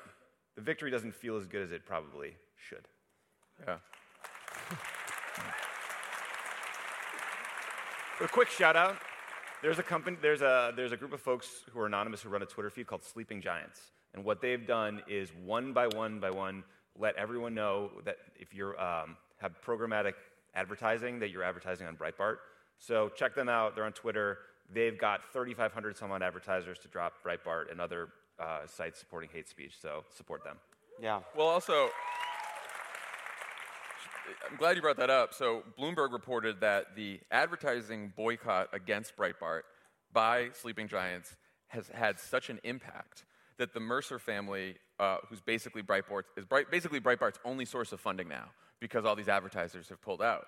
And so, um, one of the reasons they finally pushed Bannon out is because the Mercers were sick of picking up the bill for Breitbart all by themselves because all of these advertisers pulled out. So, the Sleeping Giants campaign that they launched a couple months, that started launching earlier last year, um, it's really worked. Yeah, these dickheads buy 500 foot yachts, but yeah, they're upset about picking up the Breitbart Yeah. tab, but whatever. I'm happy.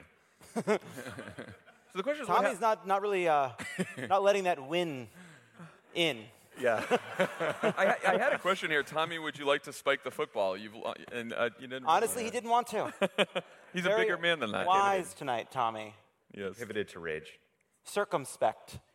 I mean, the question is sort of what becomes of Bannonism, you know, uh, Trumpism, Breitbartism. Like, you know, who carries the flag for this uh, shitty politics, uh, brand of politics right now?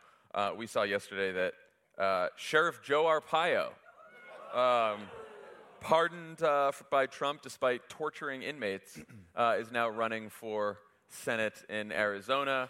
I, like, do we think that there's going to be more candidates like like him? Do you think they're just, you know, what do you thi- think's going to happen, Lovett? I think yes. Uh, I think that Steve Bannon was an opportunist. He didn't. He didn't. He certainly didn't invent uh, the effectiveness of racial grievance in American politics. Um, he did figure out ways to weaponize it in innovative ways and in ways to monetize through Breitbart, et cetera. But I think Virginia, I mean, gives you a picture, hopefully, of the future. You look at the the racial grievance politics that Ed Gillespie adopted to try to win. And it wasn't really a natural fit for him. And it's actually not true to say that it was totally ineffective. It was very, very effective amongst the people it was targeted at. Uh, but it cost him more than it helped him. It turned off a lot of people. It turned off the people that are the growing populations of America. It turned off suburban Republicans. Uh, it turned off the people that Democrats and need to win, and that I, you know, I wouldn't even call them moderate Republicans, but Republicans that aren't nationalists need to win. So you will see people like Roy Moore be able to harness that kind of aging population of voters to win primaries. It also makes it harder for them to win the general. You'll see people like Arpaio be threatening to the Republican Party, but I think it's going to become increasingly difficult for them to win uh, outside of those primaries in anything that's not a blood red state, like a, you know, even Al- Alabama could have gone to Roy Moore had he not had those allegations.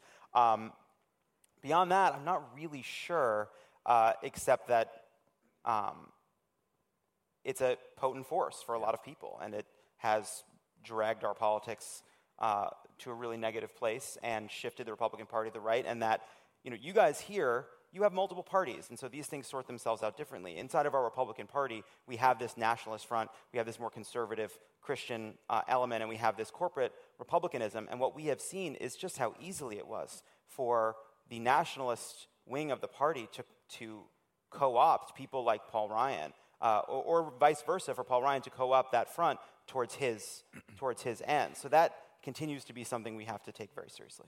Yeah, I, mean, I think these, these guys are emboldened. They'll continue to run.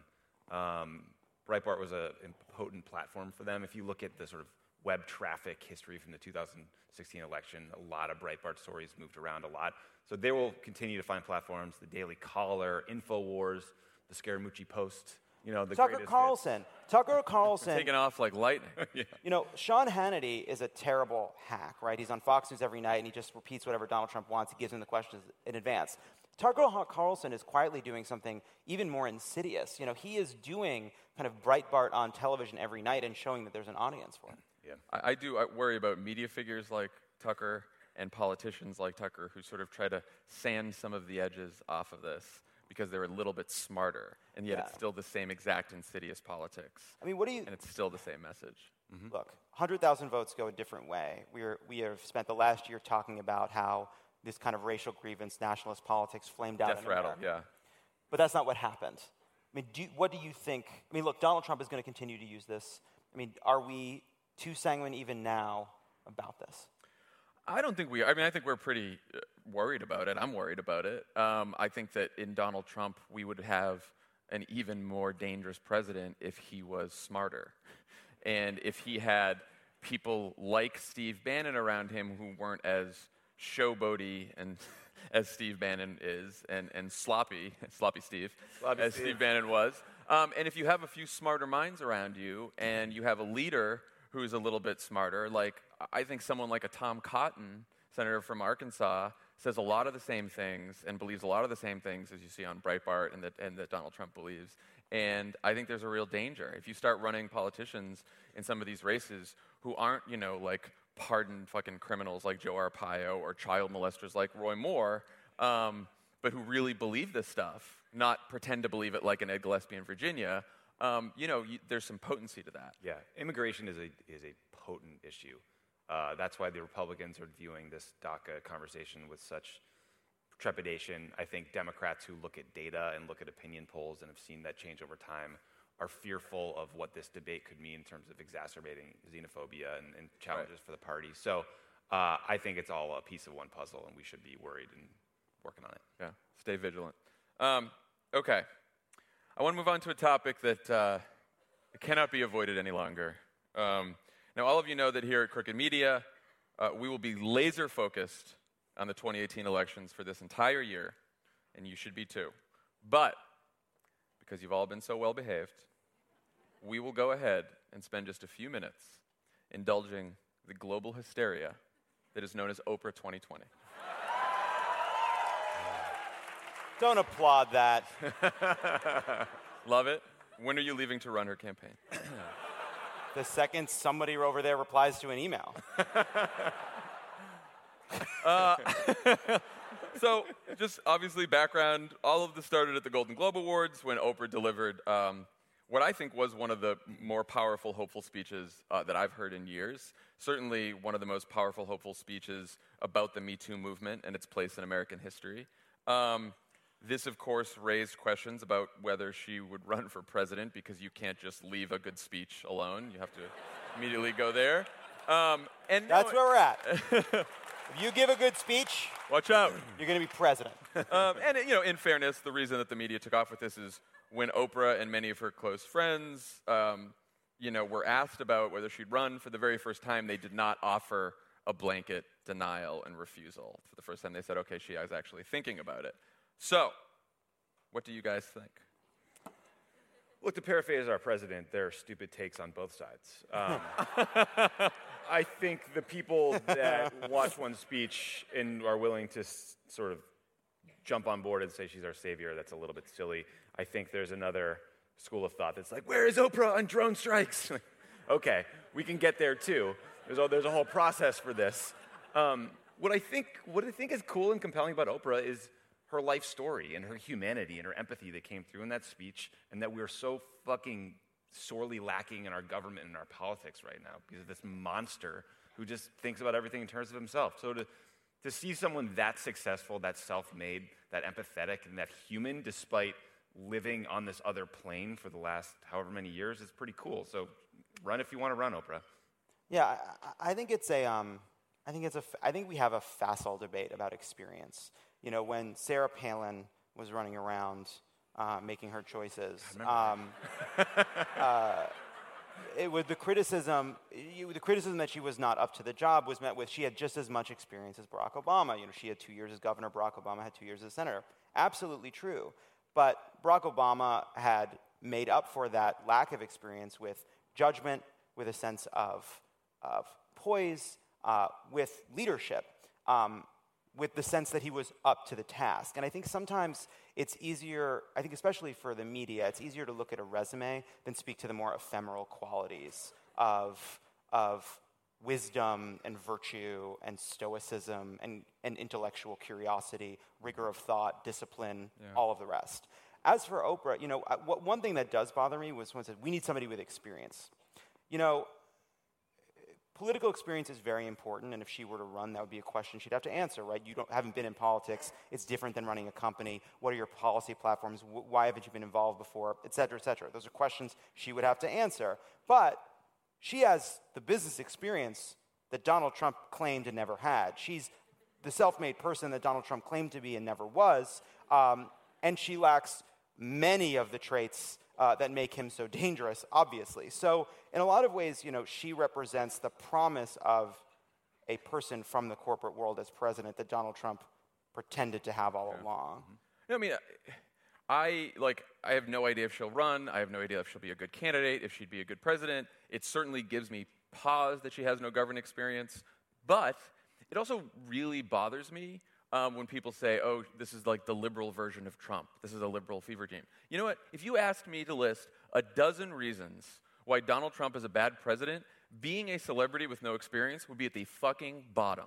Okay? Yes. If if Donald Trump, if Donald Trump had served in the United States Senate for 50 years, he would still be a racist, he would still be a sexist, he would still be a liar, and he still wouldn't know shit about anything that he's talking about. You know, it's just like and and she is she's not just she's not just a celebrity talk show host. And I She think that's, I think a that's actually, company. She built a gonna say, I think that's like successful company. That's it's almost offensive to just like dismiss her as a celebrity talk show host. This is a woman who climbed out of poverty, escaped sexual abuse, became a journalist, a successful journalist, and then became the most successful African American businesswoman in the world.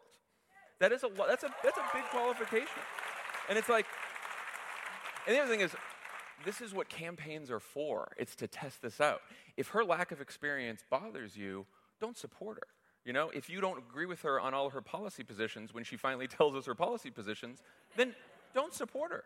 you know, like if she's done something in her career that you don't like, don't support her. The But Secret, Dr. Oz, Dr. Phil, anti vaccination, Suzanne Somers. She's got some shit to answer for, too. This is not an Oprah hagi- hagiography. No. She, just like every other candidate, she will have to answer all those questions, and she better have good fucking answers if she wants to win. But like, that's what the purpose of the campaign is. And like, underlying all of this worry is this idea that if for some reason we allow this candidacy to happen, then we will all be brainwashed by the celebrity of Oprah, and we'll all just follow her anywhere. Which doesn't say a lot of. It, it basically Well- says that the Democrats are going to act just like Republicans did with Donald Trump. Yes, I think, I think that we're all still dealing with the emotional fallout of our worst person becoming president. And it scrambled our brains a little bit. And so I think we get, we're, we're all worried that, you know, we're going to have to, we're going to focus on 2018, but when we think about 2020, we will know that we will be heading into the most consequential presidential election maybe in, in American history. Uh, and we know that Democrats will only have one shot to get it right, and there will be reasons to not be for anyone who gets in the ring. Um, and it's a really important decision. Because Donald Trump won, I think this, this, there's this fear that we could go down the same dark path. But so I think that there's a question to ask, which is pretty easy.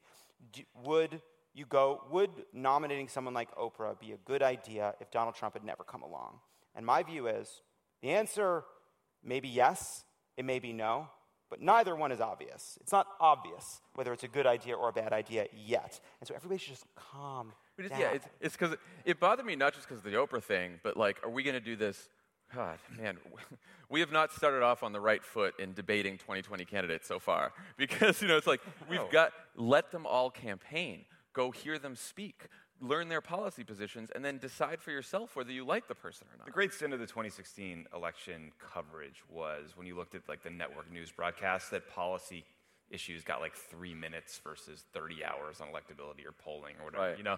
And uh, this little mini fever about Oprah is just sort of the latest turn in that crank. So you know, feels like lessons not learned. You know. Yeah, and, and just, I think there is legitimate fear that celebrity swamps substance. But And there should be. Celebrities shouldn't swamp, swamp stuff. And we'll- but- I don't want to take that position. But, but everyone acts like a. It's again this this problem that that flows from the media, which treats us like not like voters, but as pundits. Yeah. Doesn't treat us as people making a decision about who we're for, but gives us the information about who other people are thinking about picking. And so, before anyone has said to themselves, "Who do I like?" they say to themselves, "Who are other people liking, and are they right or wrong about that? Who should I like? Who can win?"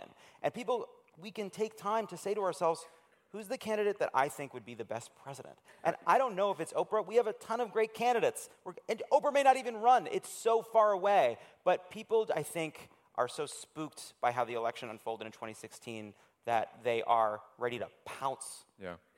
And I'll just say one last thing that we have been saying on Pod Save America since long before the Oprah buzz. Uh, the next Democratic nominee, whoever she or he may be, uh, in fact, hopefully all the Democrats that run in 2018, uh, they should be able to give a speech like Oprah did. Yeah. You know, Don't- like, don't discount We inspiration. should, and, and people should, Democrats should stop talking in talking points that sound like they're recycled from the DNC daily talking point email in 1995. Like fucking try to inspire people, try to move people, try to persuade people, try to tell stories like that. And one reason that she's getting all this attention is because she gave a speech like that, and we haven't heard a lot of Democrats give speeches like that for a very long time. And, and, and so I think that's true. And I think the great test for anyone who is not Oprah, and let's, there are many of them. everyone. Yeah, we're all Uh, not Oprah. There may be some of you in this crowd who are to not Oprah. tell is to is to is to be able to weave together a story that, that that is inspiring, but that also gets into the kind of policies we need, to the kind of changes we need as a country. Because ultimately, the that that the, that if we are worried about being a celebrity culture, we need to figure we need to have people out there who are going to succeed in that celebrity culture by making a compelling argument, not just about inspiration, but about policy and economic changes and an economic argument that is powerful enough to overwhelm a system that is designed to make us not talk about issues. And that's really, really hard, but that's, that's going to be the person we need, whether it's to defeat Oprah or to defeat Donald Trump. It's weird to say it that way. All right. That's enough of that then. Enough of that. You think? I think we're I think yeah. I think we got it out of our Yeah, I think we're good. Got to see. Okay. When we come back, we will be talking to Dr. Cathrine Thorleifsson.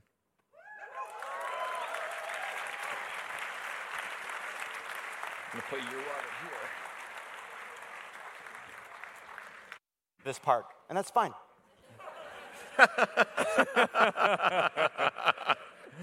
Uh, throw 'em And we're back. Uh, we are very lucky to have as our first guest. Uh, she is a researcher from the Center for Research on Extremism at the University of Oslo, Dr. Cathrine Thorleifsson.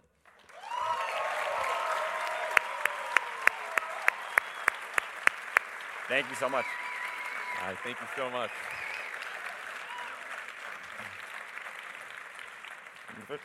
Uh, Dr. Trollson, thank you for being here. Um, Good to be here. Thank you. Thank you. You've done uh, extensive research on a very light, fun topic, which is far right uh, nativist extremism across Europe. Um, what are the general conditions that breed this kind of extremism? And are there similarities in the places you've studied uh, that we can sort of see as warning signs? Well, one of the main drivers is obviously resistance towards immigration. And there's a big debate in the research circles about whether it's economic drivers or culture drivers. And I think this is a too simple dichotomy because it's actually both. So, the places I worked, for instance, in the post industrial heartlands of Hungary and England, you have people who've experienced really long term existential insecurity and a lack of jobs over time. Um, and they blame migrants and scapegoat migrants for various societal ills.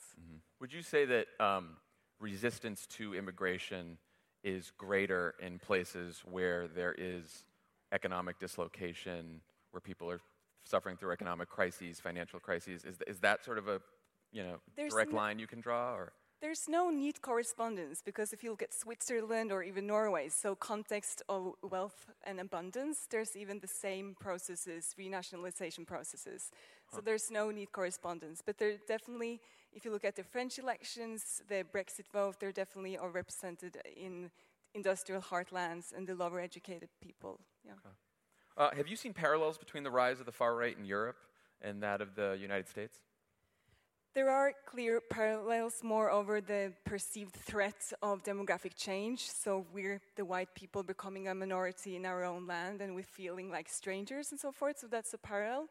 Whereas I think in the US, the public debate is more concerned with issues of racism, whereas across the European context, you will see more culturalist accounts. So issues of culture, religion, civilization being invoked.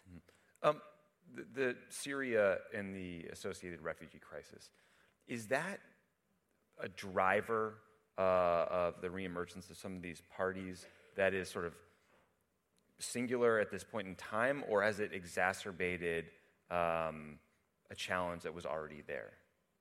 Um, I would say the latter because it created a perfect storm for some of these actors who had ownership to the anti immigration message. So they could move that messaging from the margins into the mainstream and say, you know, this is what we've been constant on, and now it's happening. And look, that's the external displaced Syrian who's threatening our security, our way of life, national identity, sovereignty. Uh, how much influence do individual leaders have on the growth of these movements? Do the leaders emerge from the movements, or are the movements fueled by the leaders?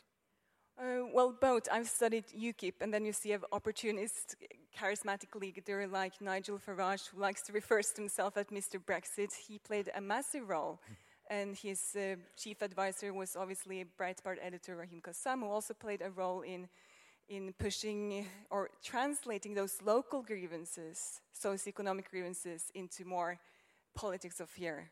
So you have individual leaders that are very instrumental in the rise, but on the supply, on the supply side, but on the demand side, I would say that there was also a grievance in search for a leader in many of these places. So when you look at France, um, Marine Le Pen has taken the extremism of her father and sort of sanded it down and removed the overt anti Semitism. And now it's this sort of new form uh, of basically the same, but a you know, sort of different appearance. I think we've also seen that in the United States. Like the KKK, they're not wearing white hoods anymore when they're in Charlottesville. They're wearing khaki pants and polo shirts and carrying tiki torches that they all bought at Target because they thought, they thought that would look cool. Um, do you think that this that PR campaign and that sort of like sanding down of the edges helps them sell the message? Is that going to make them more effective? Well, it's key in processes of mainstreaming and recruitment and belonging because it's you know providing a more sexy image. It's more available. Ray-Bans, khaki jeans, and it's potentially appealing to a wider audience. Um, I've also done research in Hungary where you see similar tendencies. So instead of the old fascist symbols, you would kind of wrap it up in a nicer bureaucratic suit appearance, but the radical message remained the same. Um, many supporters in the European far right parties uh, that have grown over the last few years have been younger. Um, what do you think the specific appeal to young people is to these movements? Well, these movements offer two things. So it's economic protectionism and it's culture protectionism. Actually, a third, even the protection of civilization. And I think in a fast changing world, so the key word is acceleration. There's been acceleration in the last particular three decades. And I think for some people, those changes are just too much. And it's a way of scaling back the process of globalization. So, and of course, it can also just be powerful in terms of uh, identity creating processes. And is there a generation? What is what's the generational divide here? Do you think? I mean, because some people will say, you know, as, as, sort of the older people who are more resistant to immigration move on, and the younger generation, which embraces diversity more, especially in our country, we like to think this. Um, then these movements will go away. But then in other places, you do see sort of the rise of these movements among young people specifically. So, what, how, how do you? Well, if you look at the Brexit vote, there was a clear generational divide. So older, right. older white men predominantly voting as well. But if you look, for instance, again, Hungary, you see urban, younger people, middle class voting as well. So I think that's also the worrying tendency when you have um, younger people and their parents might have, for instance, Holocaust in living memory, but they still try to change history, the official historiography, or try to uh, minimize the role of the state, for instance, in, in genocide? Um, there's a there's a prominent Nazi name I just don't feel like saying in the United States who was doing a press conference outside of an event and he got punched in the face. Um, and it started this big debate about whether views as virulent as Nazism need to be met with like literal force, or uh, if that's playing into their ideology, and that this needs to be a broader debate about political views, even if they're completely abhorrent. I guess I'm in no way advocating violence, but I'm curious, like philosophically, if there is a way that these extremist parties have been met and, and their ideas fought against that has been more effective in some places than in others, so that maybe we can uh, follow that path. Well, I think obviously education is always key. So you need to recognize conspiratorial thinking, you need to recognize myths about migrants and minorities. And education is also key in creating opportunities, so globalize better, so that people that feel despair, that feel left behind, can actually feel a sense of inclusion. But for the neo-Nazi movements, um, it's, it's more difficult, because some of them are very hardcore believers. So it's very different, difficult to exit necessarily once you embodied and embrace that kind of ideology. Uh, when you look at the, you know the rise of these movements in different places, um, are there any are there any movements that have been sort of defeated or died out? Is there anything? What gives you hope as you as you sort of look look to the uh, look to the future here? So a message of hope. Um, well, I think in many places uh, I'm hopeful in terms of the millennials. Uh, for instance, during fieldwork in, in Doncaster, a small town I lived in in Yorkshire, there were young people that were actually also embracing LGBT rights, diversity. They were anxious about the lack of jobs, but they didn't go to the nativist rights. Um, so there was definitely a generational gap on the ground. So their parents were afraid that their children might not have a future, so they were voting for exclusionary nationalism, but the, the younger people were more hopeful. Yeah. Dr. Thorleifsson, thank you so much for joining us. Thank you. We really appreciate it. Thank you so much. Thank you so much. And we move back there.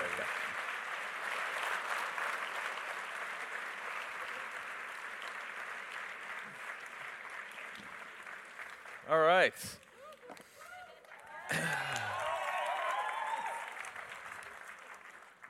And we're back. Guys, we're going to play a game, but before we do, I have an update. Ooh, breaking news. What's that? I have an update on the press conference between President Donald Trump and your Prime Minister. Oh, great. Norway. Norway? Normway. We're calling it Normway now. Here's, uh, she did raise the Paris Climate Accords, and Donald Trump said the U.S. could conceivably re enter the Paris Climate Accords. He feels very strongly about the environment. He also feels very strongly about repeating the last thing he heard. Uh, but that's pretty good. Was was Kevin McCarthy in the corner saying, uh, Uh, sir, what, what sir, you meant what- was, what you meant? sir, sir, we have to be clear. Uh, uh, when asked about interviewing with Mueller, Trump said, "No collusion," uh, but he did say he will. We will see. On Mueller and on DACA, he reiterated needing a wall as part of the deal. So those are the questions they got. Those are the questions they got. It's ongoing, but that's a real-time update. Look at that. Look Breaking. at that. Not bad for a podcast. Not bad. All right, you guys ready to play a game? Yeah. Yeah, like Now for a game we call We're Not in the Prediction Business Anymore. we had some fun talking about Oprah. Uh, it's candy to talk about 2020, but we're focusing on 2018 because talking about a presidential election this far out is ultimately a waste of time because things have a tendency to change far more than we expect. And so we're going to play a game tonight to make that clear.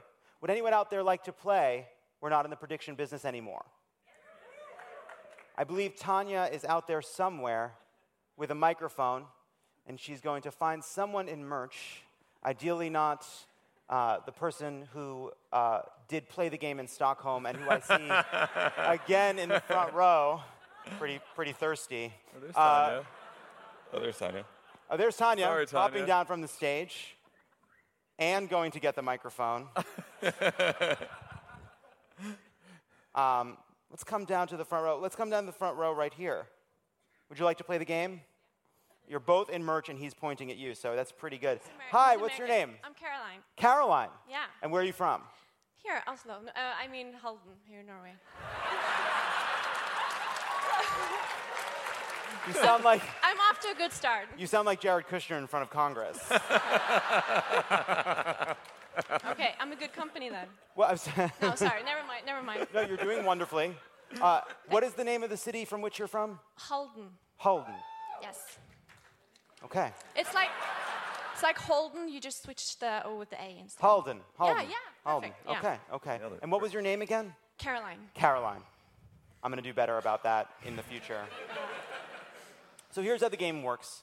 We're going to pull from headlines and books and things that were written about people that were supposed to become president and did not. Uh, and it will be your job to suss out who we're talking about. Okay. All right? Are you ready, Caroline? Yeah, I'm ready. Caroline, Caroline. Do you pay close attention to American politics? I hope so. You're wearing the shirt. Yeah. I listen right. to you guys, so I'm fairly updated. Okay.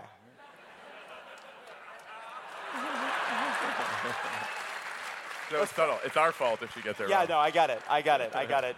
Caroline with the blame shifting and the shiftiness. now she's like Don Jr. I'm sorry, I'm kidding. Oh, so fine. Let's play the game. Uh, question number one Time magazine hailed this candidate as the right wing answer to Barack Obama and put him on the cover. Which Republican were they talking about, and what did Time magazine call him? Was it A?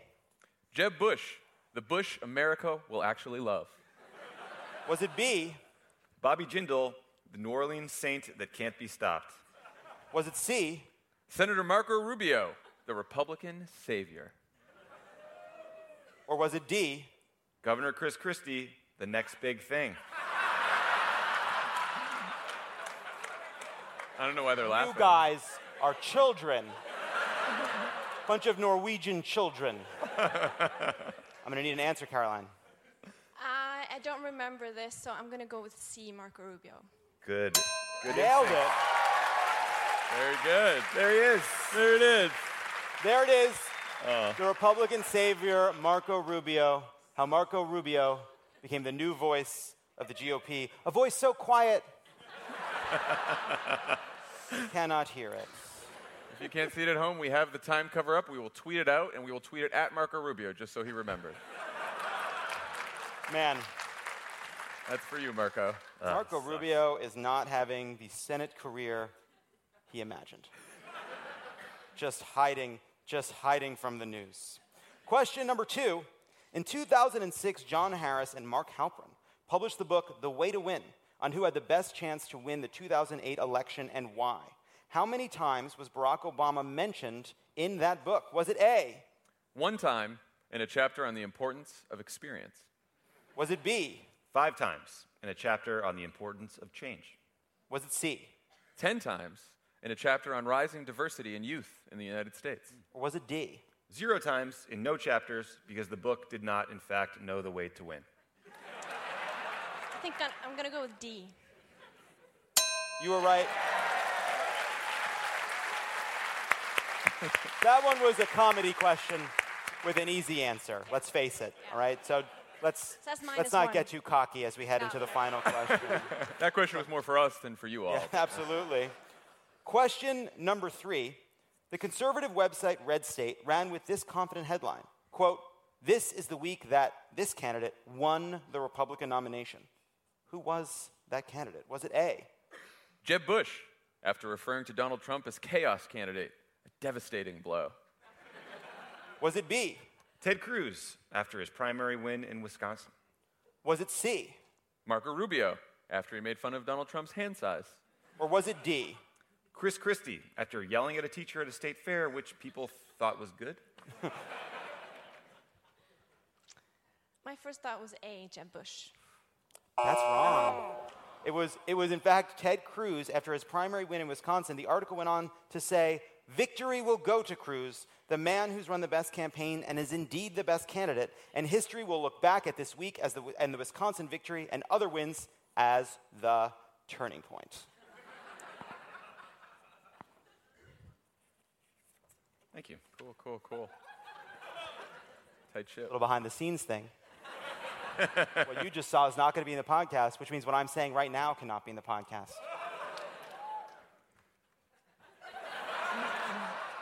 Caroline, yes. you are two for three, Yeah. which is very good, but none of those questions counted. Okay.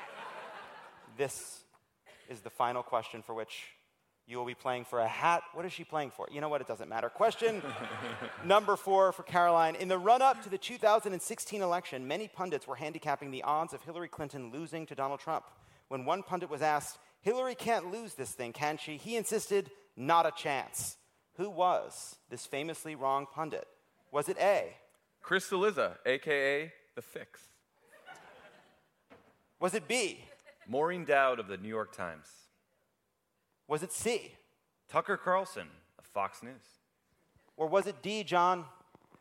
Jon Favreau. of Pod Save America. Which was this person who just got this whole thing Which vapid so pundit? wrong? Who Dumbass. was it What? that missed all the signals? I'm going to go with, sorry, D. Jon Favreau? It was. It was Dean. Oh boy. Caroline from Halden. Halden. I knew it because you know what I did? I said, It's in Østfold. what I did, how, to, how I retained it by said Holden Caulfield, but with an A at the front. That's how I remembered it. It- what's the county called? Huh? What's the county? Halden. No, that's the oh, city. the county. Oh, yeah, Østfold. Svalbard? You guys put some letters together. It's, it's fantastic. It's Eastfold if you think of Game of Thrones or. Oh, Yeah. where the White Walkers are. Yeah. Give it up for Caroline. Thank, Thank you you. for playing. When we come back, When we come back, we will be talking to Jan Strømnes, the deputy warden of Halden Prison in Halden, Norway. That's cool. Yeah, very cool. Very cool. I'm leaving again.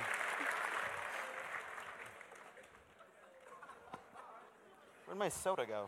Uh, the hell? All I right. think this is your soda. That's my soda. Uh, no, you don't have soda. Can't find a soda. Okay, All right, we're back.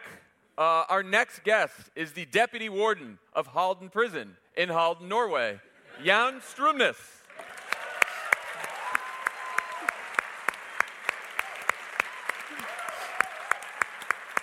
Thank you. Thank you for joining us. Thank you for having me. Um, Jan, you are the deputy head of, of Halden Prison, which is frequently referred to as the world's most humane maximum security prison. Um, can you walk us through what life is like as an inmate uh, at Halden, and, and what does it mean to be a humane prison? Okay. Well, first of all, let me say that in a way, the only thing that's special about Halden Prison is the facilities. The way we work, the philosophy, and the values that's common in, in the whole of Norway and actually in all the Scandinavian countries. So, but one of the principles that, in a way, you can uh, see being reflected in the architecture in Halden is the principle of normality, as we call it, meaning that life in prison should resemble life in the outside community as much as possible. So you will see, for instance, uh, small divided buildings around the area, and that's to, in a way, copy the everyday movement that you and I have. We, we leave work in the morning, go to work. If I need to go to the dentist or the doctor, I leave work, go to the doctor. So that kind of movement we also copied inside the prison. So that's one example about the principle of normality. So they go to work just as you and me, or go to school, and they're really locked in during the night. The rest of the day they are in, in activity. So they're using themselves physically and mentally, and uh, in a way, building a better future that way. Um, you guys put a big focus and emphasis on reintegration, rehabilitation. How successful do you think um, you've been in uh, preparing prisoners to, to re-enter society, and, and how easy or hard is it to measure that success? Uh, it's, it's hard to measure it uh, with regard to recidivism because that's the ultimate goal in a way to, to compare recidivism um, uh, in different countries. And, and you can't in a way compare directly the figures for Norway and the United States because they are measured differently. But what we, and and in Norway we have a very low recidivism rate, it's approximately 20%. Um, but what we see is um, that the inmates leave Halden prison in a quite different state that they had when they came into the prison. Because as soon as they come in, we start screening them, uh, looking at their needs and their resources in life. We, uh, we uh, make up a future plan uh, between the officers and the inmates, and we start working on the issues that we have. If they have a drug problem, we can uh, offer them treatment. If they have some mental health issues, they will have treatment. If there are um, need training in school, I mean, based on the screening, we try to work on all the issues they have in life so they can they leave Halden in, in, a, in a better shape in a way. A- And we see that they, they do, definitely. Now, Norway's uh, didn't always have prisons that were this humane. When and why did, did you make the decision, did Norway make the decision to move in this direction? Yeah. Uh, in the late 80s, uh, there was a kind of a troublesome time in the correctional service in, in Norway. Uh, there were riots in Oslo prison. Uh, there were two tragic deaths, murders of correctional officers. So the government found that, well, we had to make some choices here. In what direction would we like to go? Uh, when such tragic uh, things happen, the, the, the, normal reaction would be to tighten security even more, what we call the static security, you know, guards, security glasses, fences, barbed wire, etc. Um, so that was looked into as one option, and the op other option was to, in a way, evolve the correctional service in a, in a more humane direction. And the Norwegian government chose the last one, uh, to, to go in a more humane direction, and found that that would probably solve some of the issues that we had, uh, and it did actually. Um, Americans make up 4.6% of the world's population, but American prisons hold an estimated 22% of all incarcerated people. Uh, again, it's estimated that 68% of prisoners released in 30 states in the US, uh, and this was in 2005, were arrested for a new crime within three years. So it seems obvious that for some reason we are incarcerating way too many people uh, and that our system isn't working when it comes to rehabilitation. You've been to a whole bunch of prisons in the US, you've studied them, you've met with wardens. What do you think we're doing wrong? I think it's, um, I think revenge is an issue in the States. Not necessarily on individual levels when I spoke to wardens and officers, but on a systemic level, I think revenge is an issue. Uh, I think US prisons create uh, an atmosphere of fear. Um, uh, it's my belief that, and, and, my impression that the officers during their training, they are in a way taught that their, their life is at stake or, uh, or, or, they're risking their life every day at work. And of course, that creates fear. You don't see the inmates as individuals, but as a group that you fear. And, and when you create that kind of distance, you have, in a way, taken away some of the humane approach that you really, really need you need to have a humane, respectful dialogue with the inmates. So what we do in Norway is, is, not really rocket science. We just have these values. No, it's not. uh,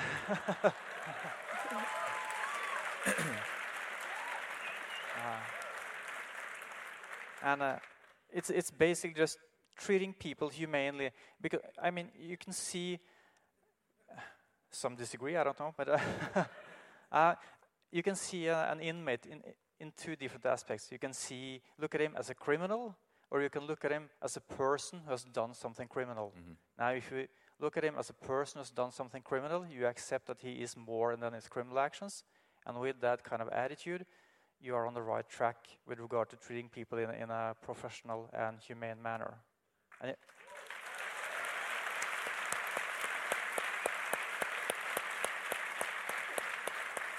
Um, now, if you propose these kind of reforms in the United States, um, see, I don't even have to finish. They, know, um, they know where he's going. One of the nicer things that might be said about you is that you're soft on crime. Mm. Um, how did you, in Norway, how did you guys sort of overcome some of the political challenges of putting some of these reforms in place and moving to a more humane system? Uh, I think we have an advantage here because uh, the political landscape isn't that divided in Norway as it is in uh, in the states. So I guess we, we have uh, we are more lucky uh, on that issue. How? I mean, let me take North Dakota as an example. North Dakota has been in Halden prison, studied the way we do correctional services, um, and in a way, the director of the um, correctional department on the state level in North Dakota uh, which is a uh, Republican state, if I remember it correctly. Yeah. She could do, in a way, everything as long as she held, held it, in a way, outside the newspapers and the media. So if you just held it outside the newspapers, the governor gave her, gave her, in a way, carte blanche to do changes in the system. So it is possible also in the, in the United States, and you will see changes now in several states. Actually, has been to Norway the last two, three years, studying our approach. Um, I, I, yeah. Uh, in the U.S., I think we talk about prisoners. People joke about don't drop the soap. I mean, people are they joke about treating people like in, in inhuman ways. Mm. Um, I did a program where I spent a day at a prison, and by the end, um, the way it had opened up my eyes to the sort of humanity of the people in this facility, uh, the number of things uh, that set them on this path starting at age 9 or 10 or 11 that got them to where they were. Um, I finally understood that.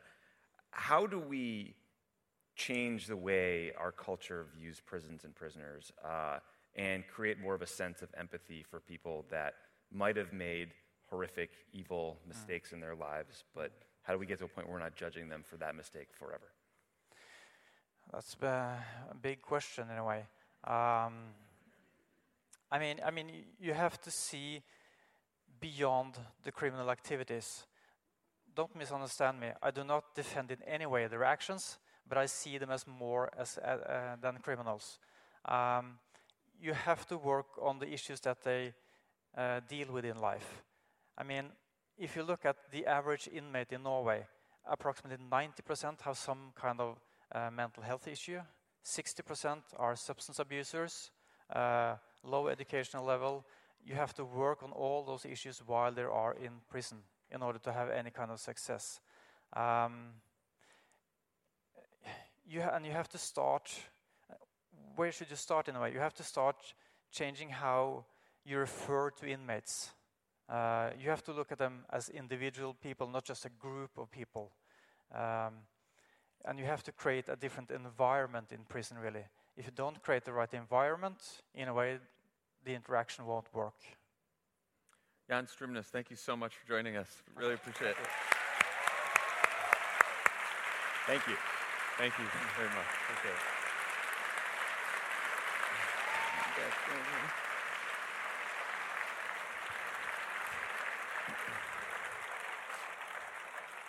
Any updates, Levin? You have an One update. Does Sorry. NATO still exist? Forgot, I mean, by the skin of its teeth. One thing that I forgot to mention that Donald Trump did compliment Norway. He said, one of, the great, one of your greatest assets is a thing called water.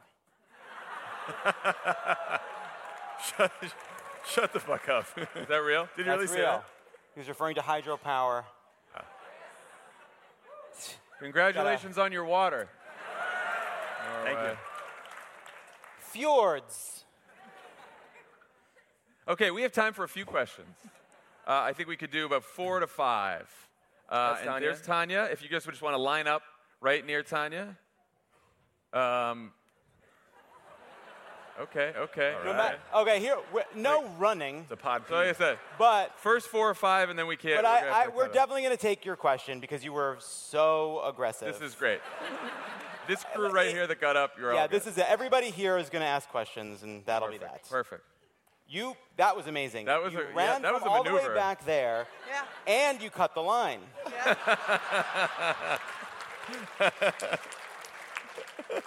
She's like, I got the microphone. I don't care. Yeah. yeah, yeah. I'm Ragnhild. What can we as Norwegians, we don't have any senators to call. What can we do to interfere in your elections?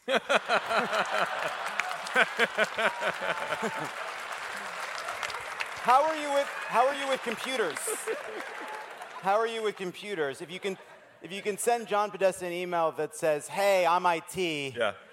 Uh, send me your password. It's totally fine. Don't ask anybody else if this is okay." Are you Actually, a member send of that to Jared WikiLeaks? Kush. Send, Yeah. send Jared Kushner an email, and it should say, "Dear Jared, uh, it's really important. I, ne- I need your password uh, to make sure that uh, your indebted businesses are still in debt." and he'll say, "That checks out. How would how would she know?" Or just, I would like to do a crime. Are you in? Very straightforward.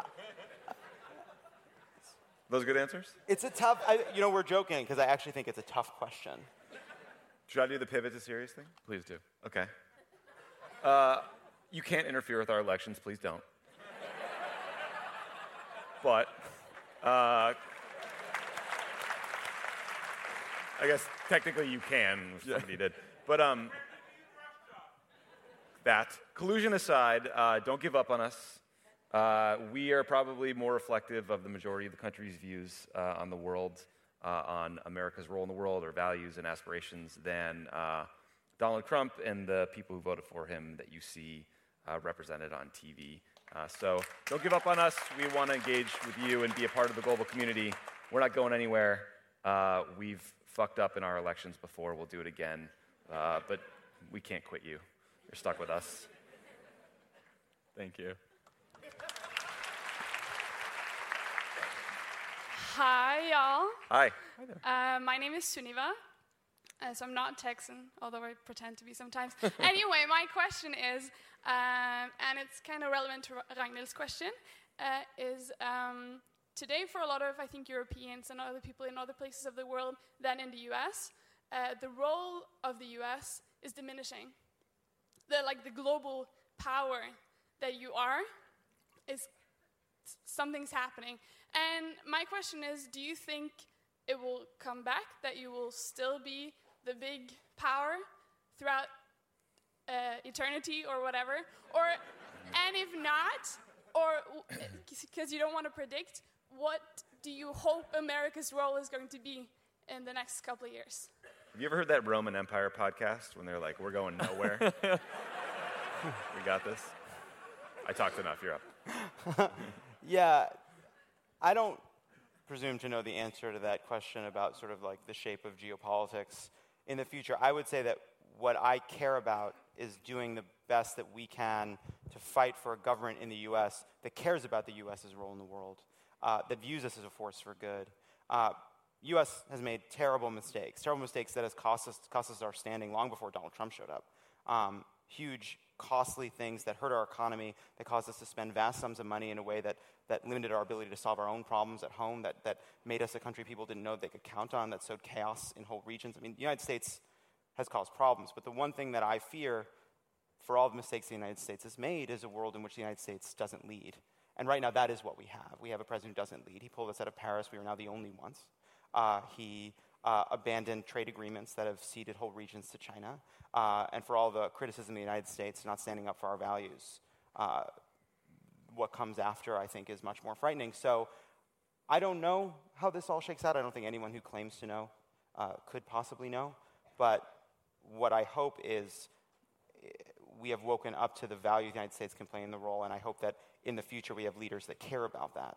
Um, and if that's true, it's not just our economic might that will make a difference. It'll be leaders that stand up for the environment, that stand up for you know, human freedom and flourishing, um, that puts a primacy on, on safety and security and people's right to live their lives. And if we can do that, I think we will play a huge role, no matter whose, a, whose GDP surpasses us. I think, I think we have to, um, the best thing that we could do in America is to, we have a certain set of values that we espouse, and um, we have to lead by example.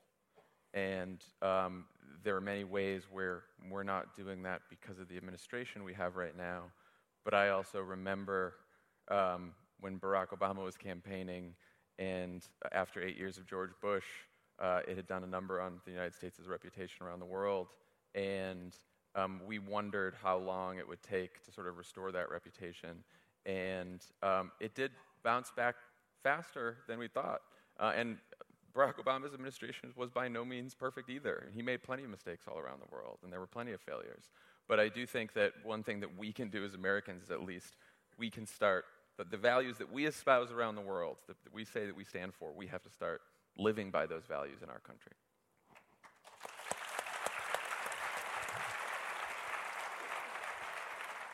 Um, yeah, hi.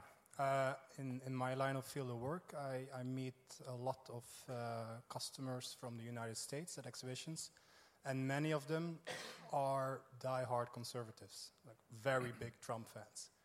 Um, but all of these people, individual, are very nice people. You can talk to them. They're smart. They're well educated. No, they are. They really are. They're really good at their jobs. I mean, they're really good at their jobs. But as soon as you talk about politics or religion, which is not the thing I want to uh, take in this question, but when you talk about politics, you hit a brick wall. and um, my question is as Europeans, we have things that work in Norway, we have things that work in other countries in Belgium that really work well, and we strongly feel that this is something Americans would definitely benefit from, healthcare, for example. I, I, sorry? Don't We agree. I want you to know that I don't appreciate you laughing and applauding like that's a joke. so maybe stop being so cocky, all right?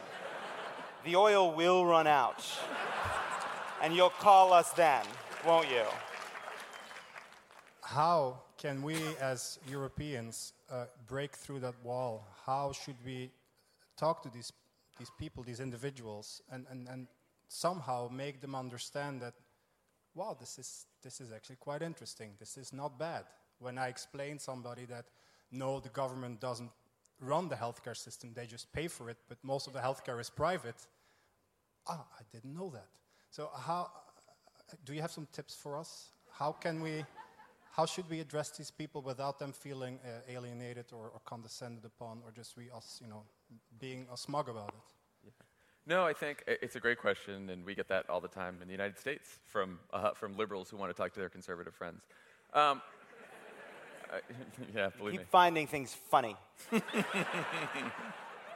Look, I think your, your instinct to start with issues themselves is the right one. I think sometimes when we start talking about politics, you know, in the United States, the, strongest identification is partisan identification now. And so when you start by saying, why do you like Donald Trump so much? Or why did you vote for Trump? Or why are you a Republican?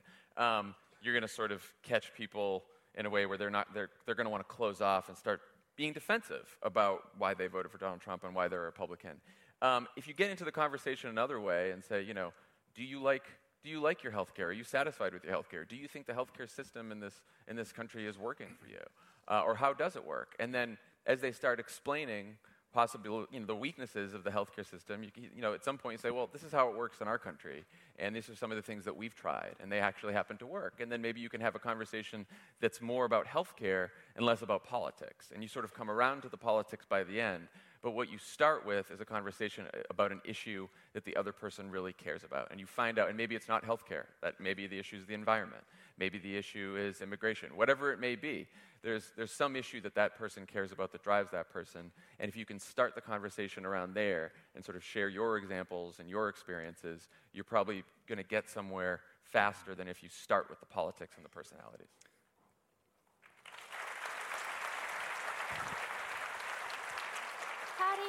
Um, my name is Joan Favretto. Um, I was a, a field organizer for Hillary Clinton um, for four months in southern Ohio. Um, Cool. I was there. Thank you. Um, it's very rural, very poor part of the state, and I said uh, that if Trump won, I was going to move to Norway. So um, here I am. Uh, um, and uh, you know, I'm learning how they do things in other parts of the world. Um, but while um, while I was there, I'm sorry, what, what's your name? Joan Favretto. That's amazing. yeah. Because so many celebrities threaten it. But you, you did followed it. through. You did it. Yeah. So um, so I'm here, and you know, while I was in Ohio, I saw things like, um, you know, I saw families uh, feed their children, you know, can afford to feed their kids things except for like cat food. You know, I saw schools that had um, holes in their roof with snow coming in in the winter.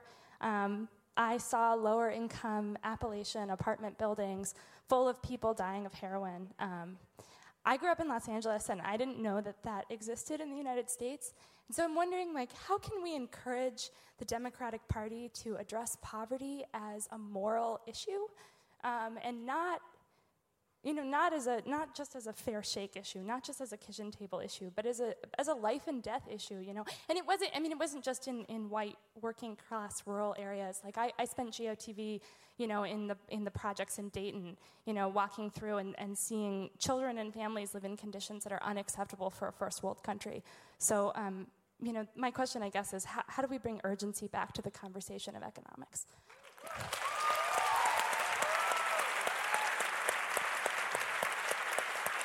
I think that's a great. I think that's a great and important question.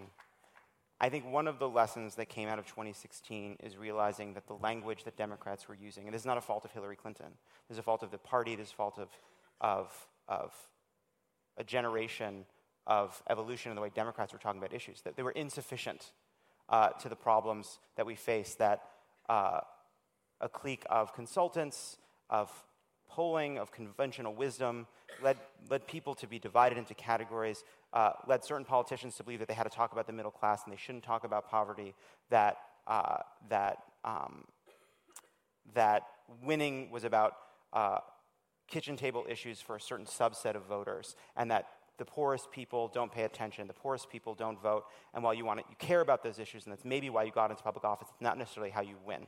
And sure enough, those issues maybe don't get uh, enough attention. I also think, on the whole, one lesson also out of 2016 is um, there were huge parts of the country that were forgotten and left behind. And I'm not talking about the people that ended up voting for Trump. The voting, what we now know is that white working class people voted for Trump, upper class people voted for Trump. The, the Trump voter cuts across all economic barriers, but that there's millions and millions of people who don't vote, who don't feel like politics are for them, who feel like democratic politics are insufficient, that what we offer is around efficiency and around uh, tax credits and around complicated technocratic solutions that people can't feel and people can't see and people can't trust. And so, what I hope that comes out of it, if there's something that good that comes out of this, is that we were broken enough to elect Trump, in part because we weren't offering big enough, simple enough, elegant enough ideas that can make a difference for everybody, from the very poor who can have a chance and feel like they have opportunity, that the politics is for them, to the middle class who can, st- who can see social welfare as not being something that's just for the poor. That we can offer things that are universal and for everybody. And I hope, I hope that that is something we can do. Um, and I'm, I think you're right to, to say that we have failed those people and we've left them behind.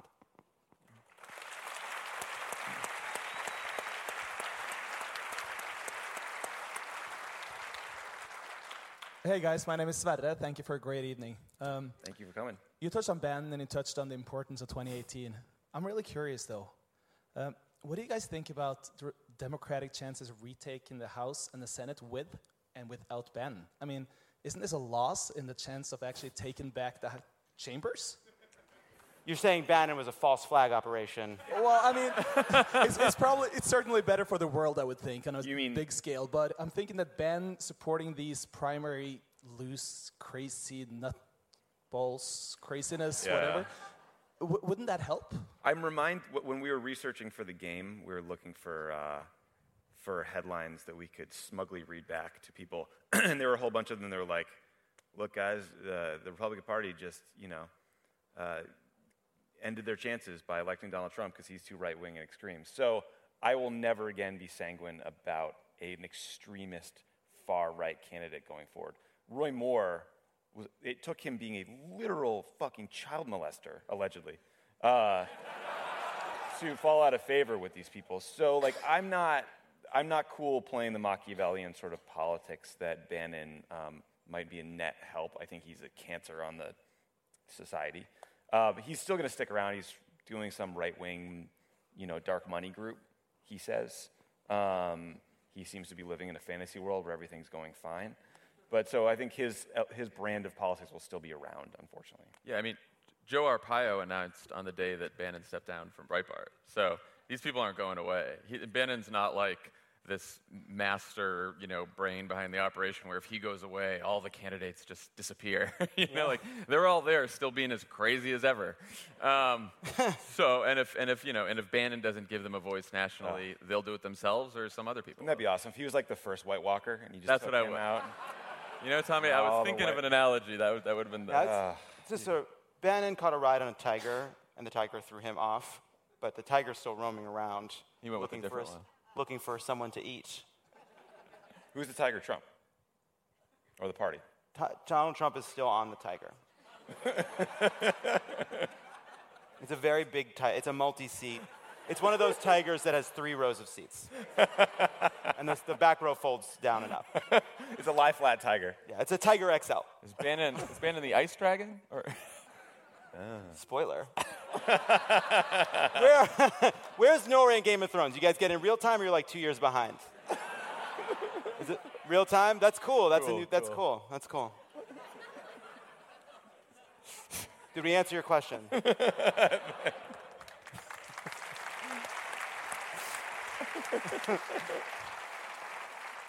Hi, my Hello. name is Kelly. Uh, my question is short. Uh, I'm American, but now I live here. And I was Where are one you of from before? I'm from Indiana. I'm so sorry about Mike, Mike Pence.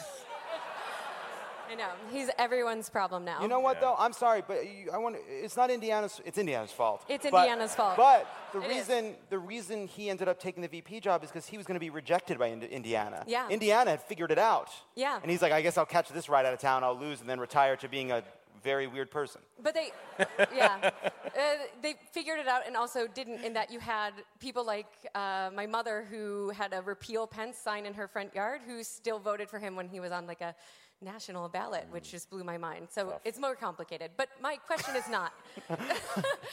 my question is not, and that is that I was one of the organizers of Women's March in Oslo last Cool. year. And so, thank you. Thank you to everyone who came out.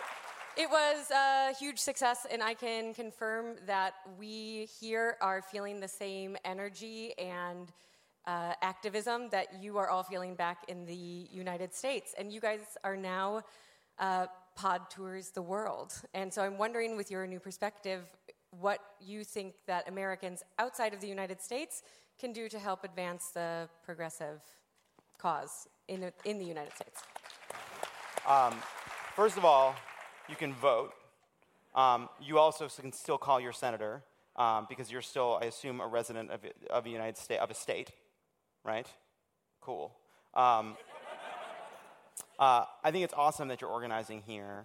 Um, you know, the it relates to the question that someone was asked earlier, which is, uh, what can people do? And one thing is organizing and protesting and showing what you stand for here does make a point. I mean, the American people do care about our standing in the world. Actually, it's one thing that you see in polls, Yeah. right? Uh, we worked uh, at, at the, at the Stockholm event. We actually had uh, Democrats abroad there registering. Yes. Oh, you All good? right. Okay, good. I wasn't sure if you guys made it to Oslo too. Excellent. Are you part of Democrats abroad?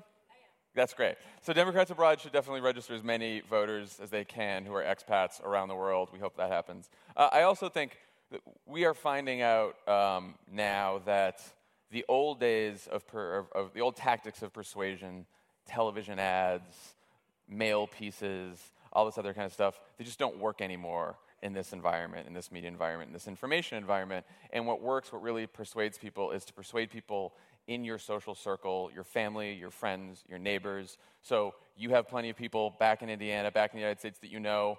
Talk to them, have them talk to their friends. Like, we're going to end up winning this back, winning the House back, winning the Senate back, and ultimately the presidency back by having, you know, neighbors talking to neighbors and friends talking to friends and convincing people the old-fashioned way with grassroots politics. And even from over here, you can do that through social media, through email, through a whole bunch of other ways. So talk to all your friends back home and then have them talk to all their friends. And I think we can build the movement that way.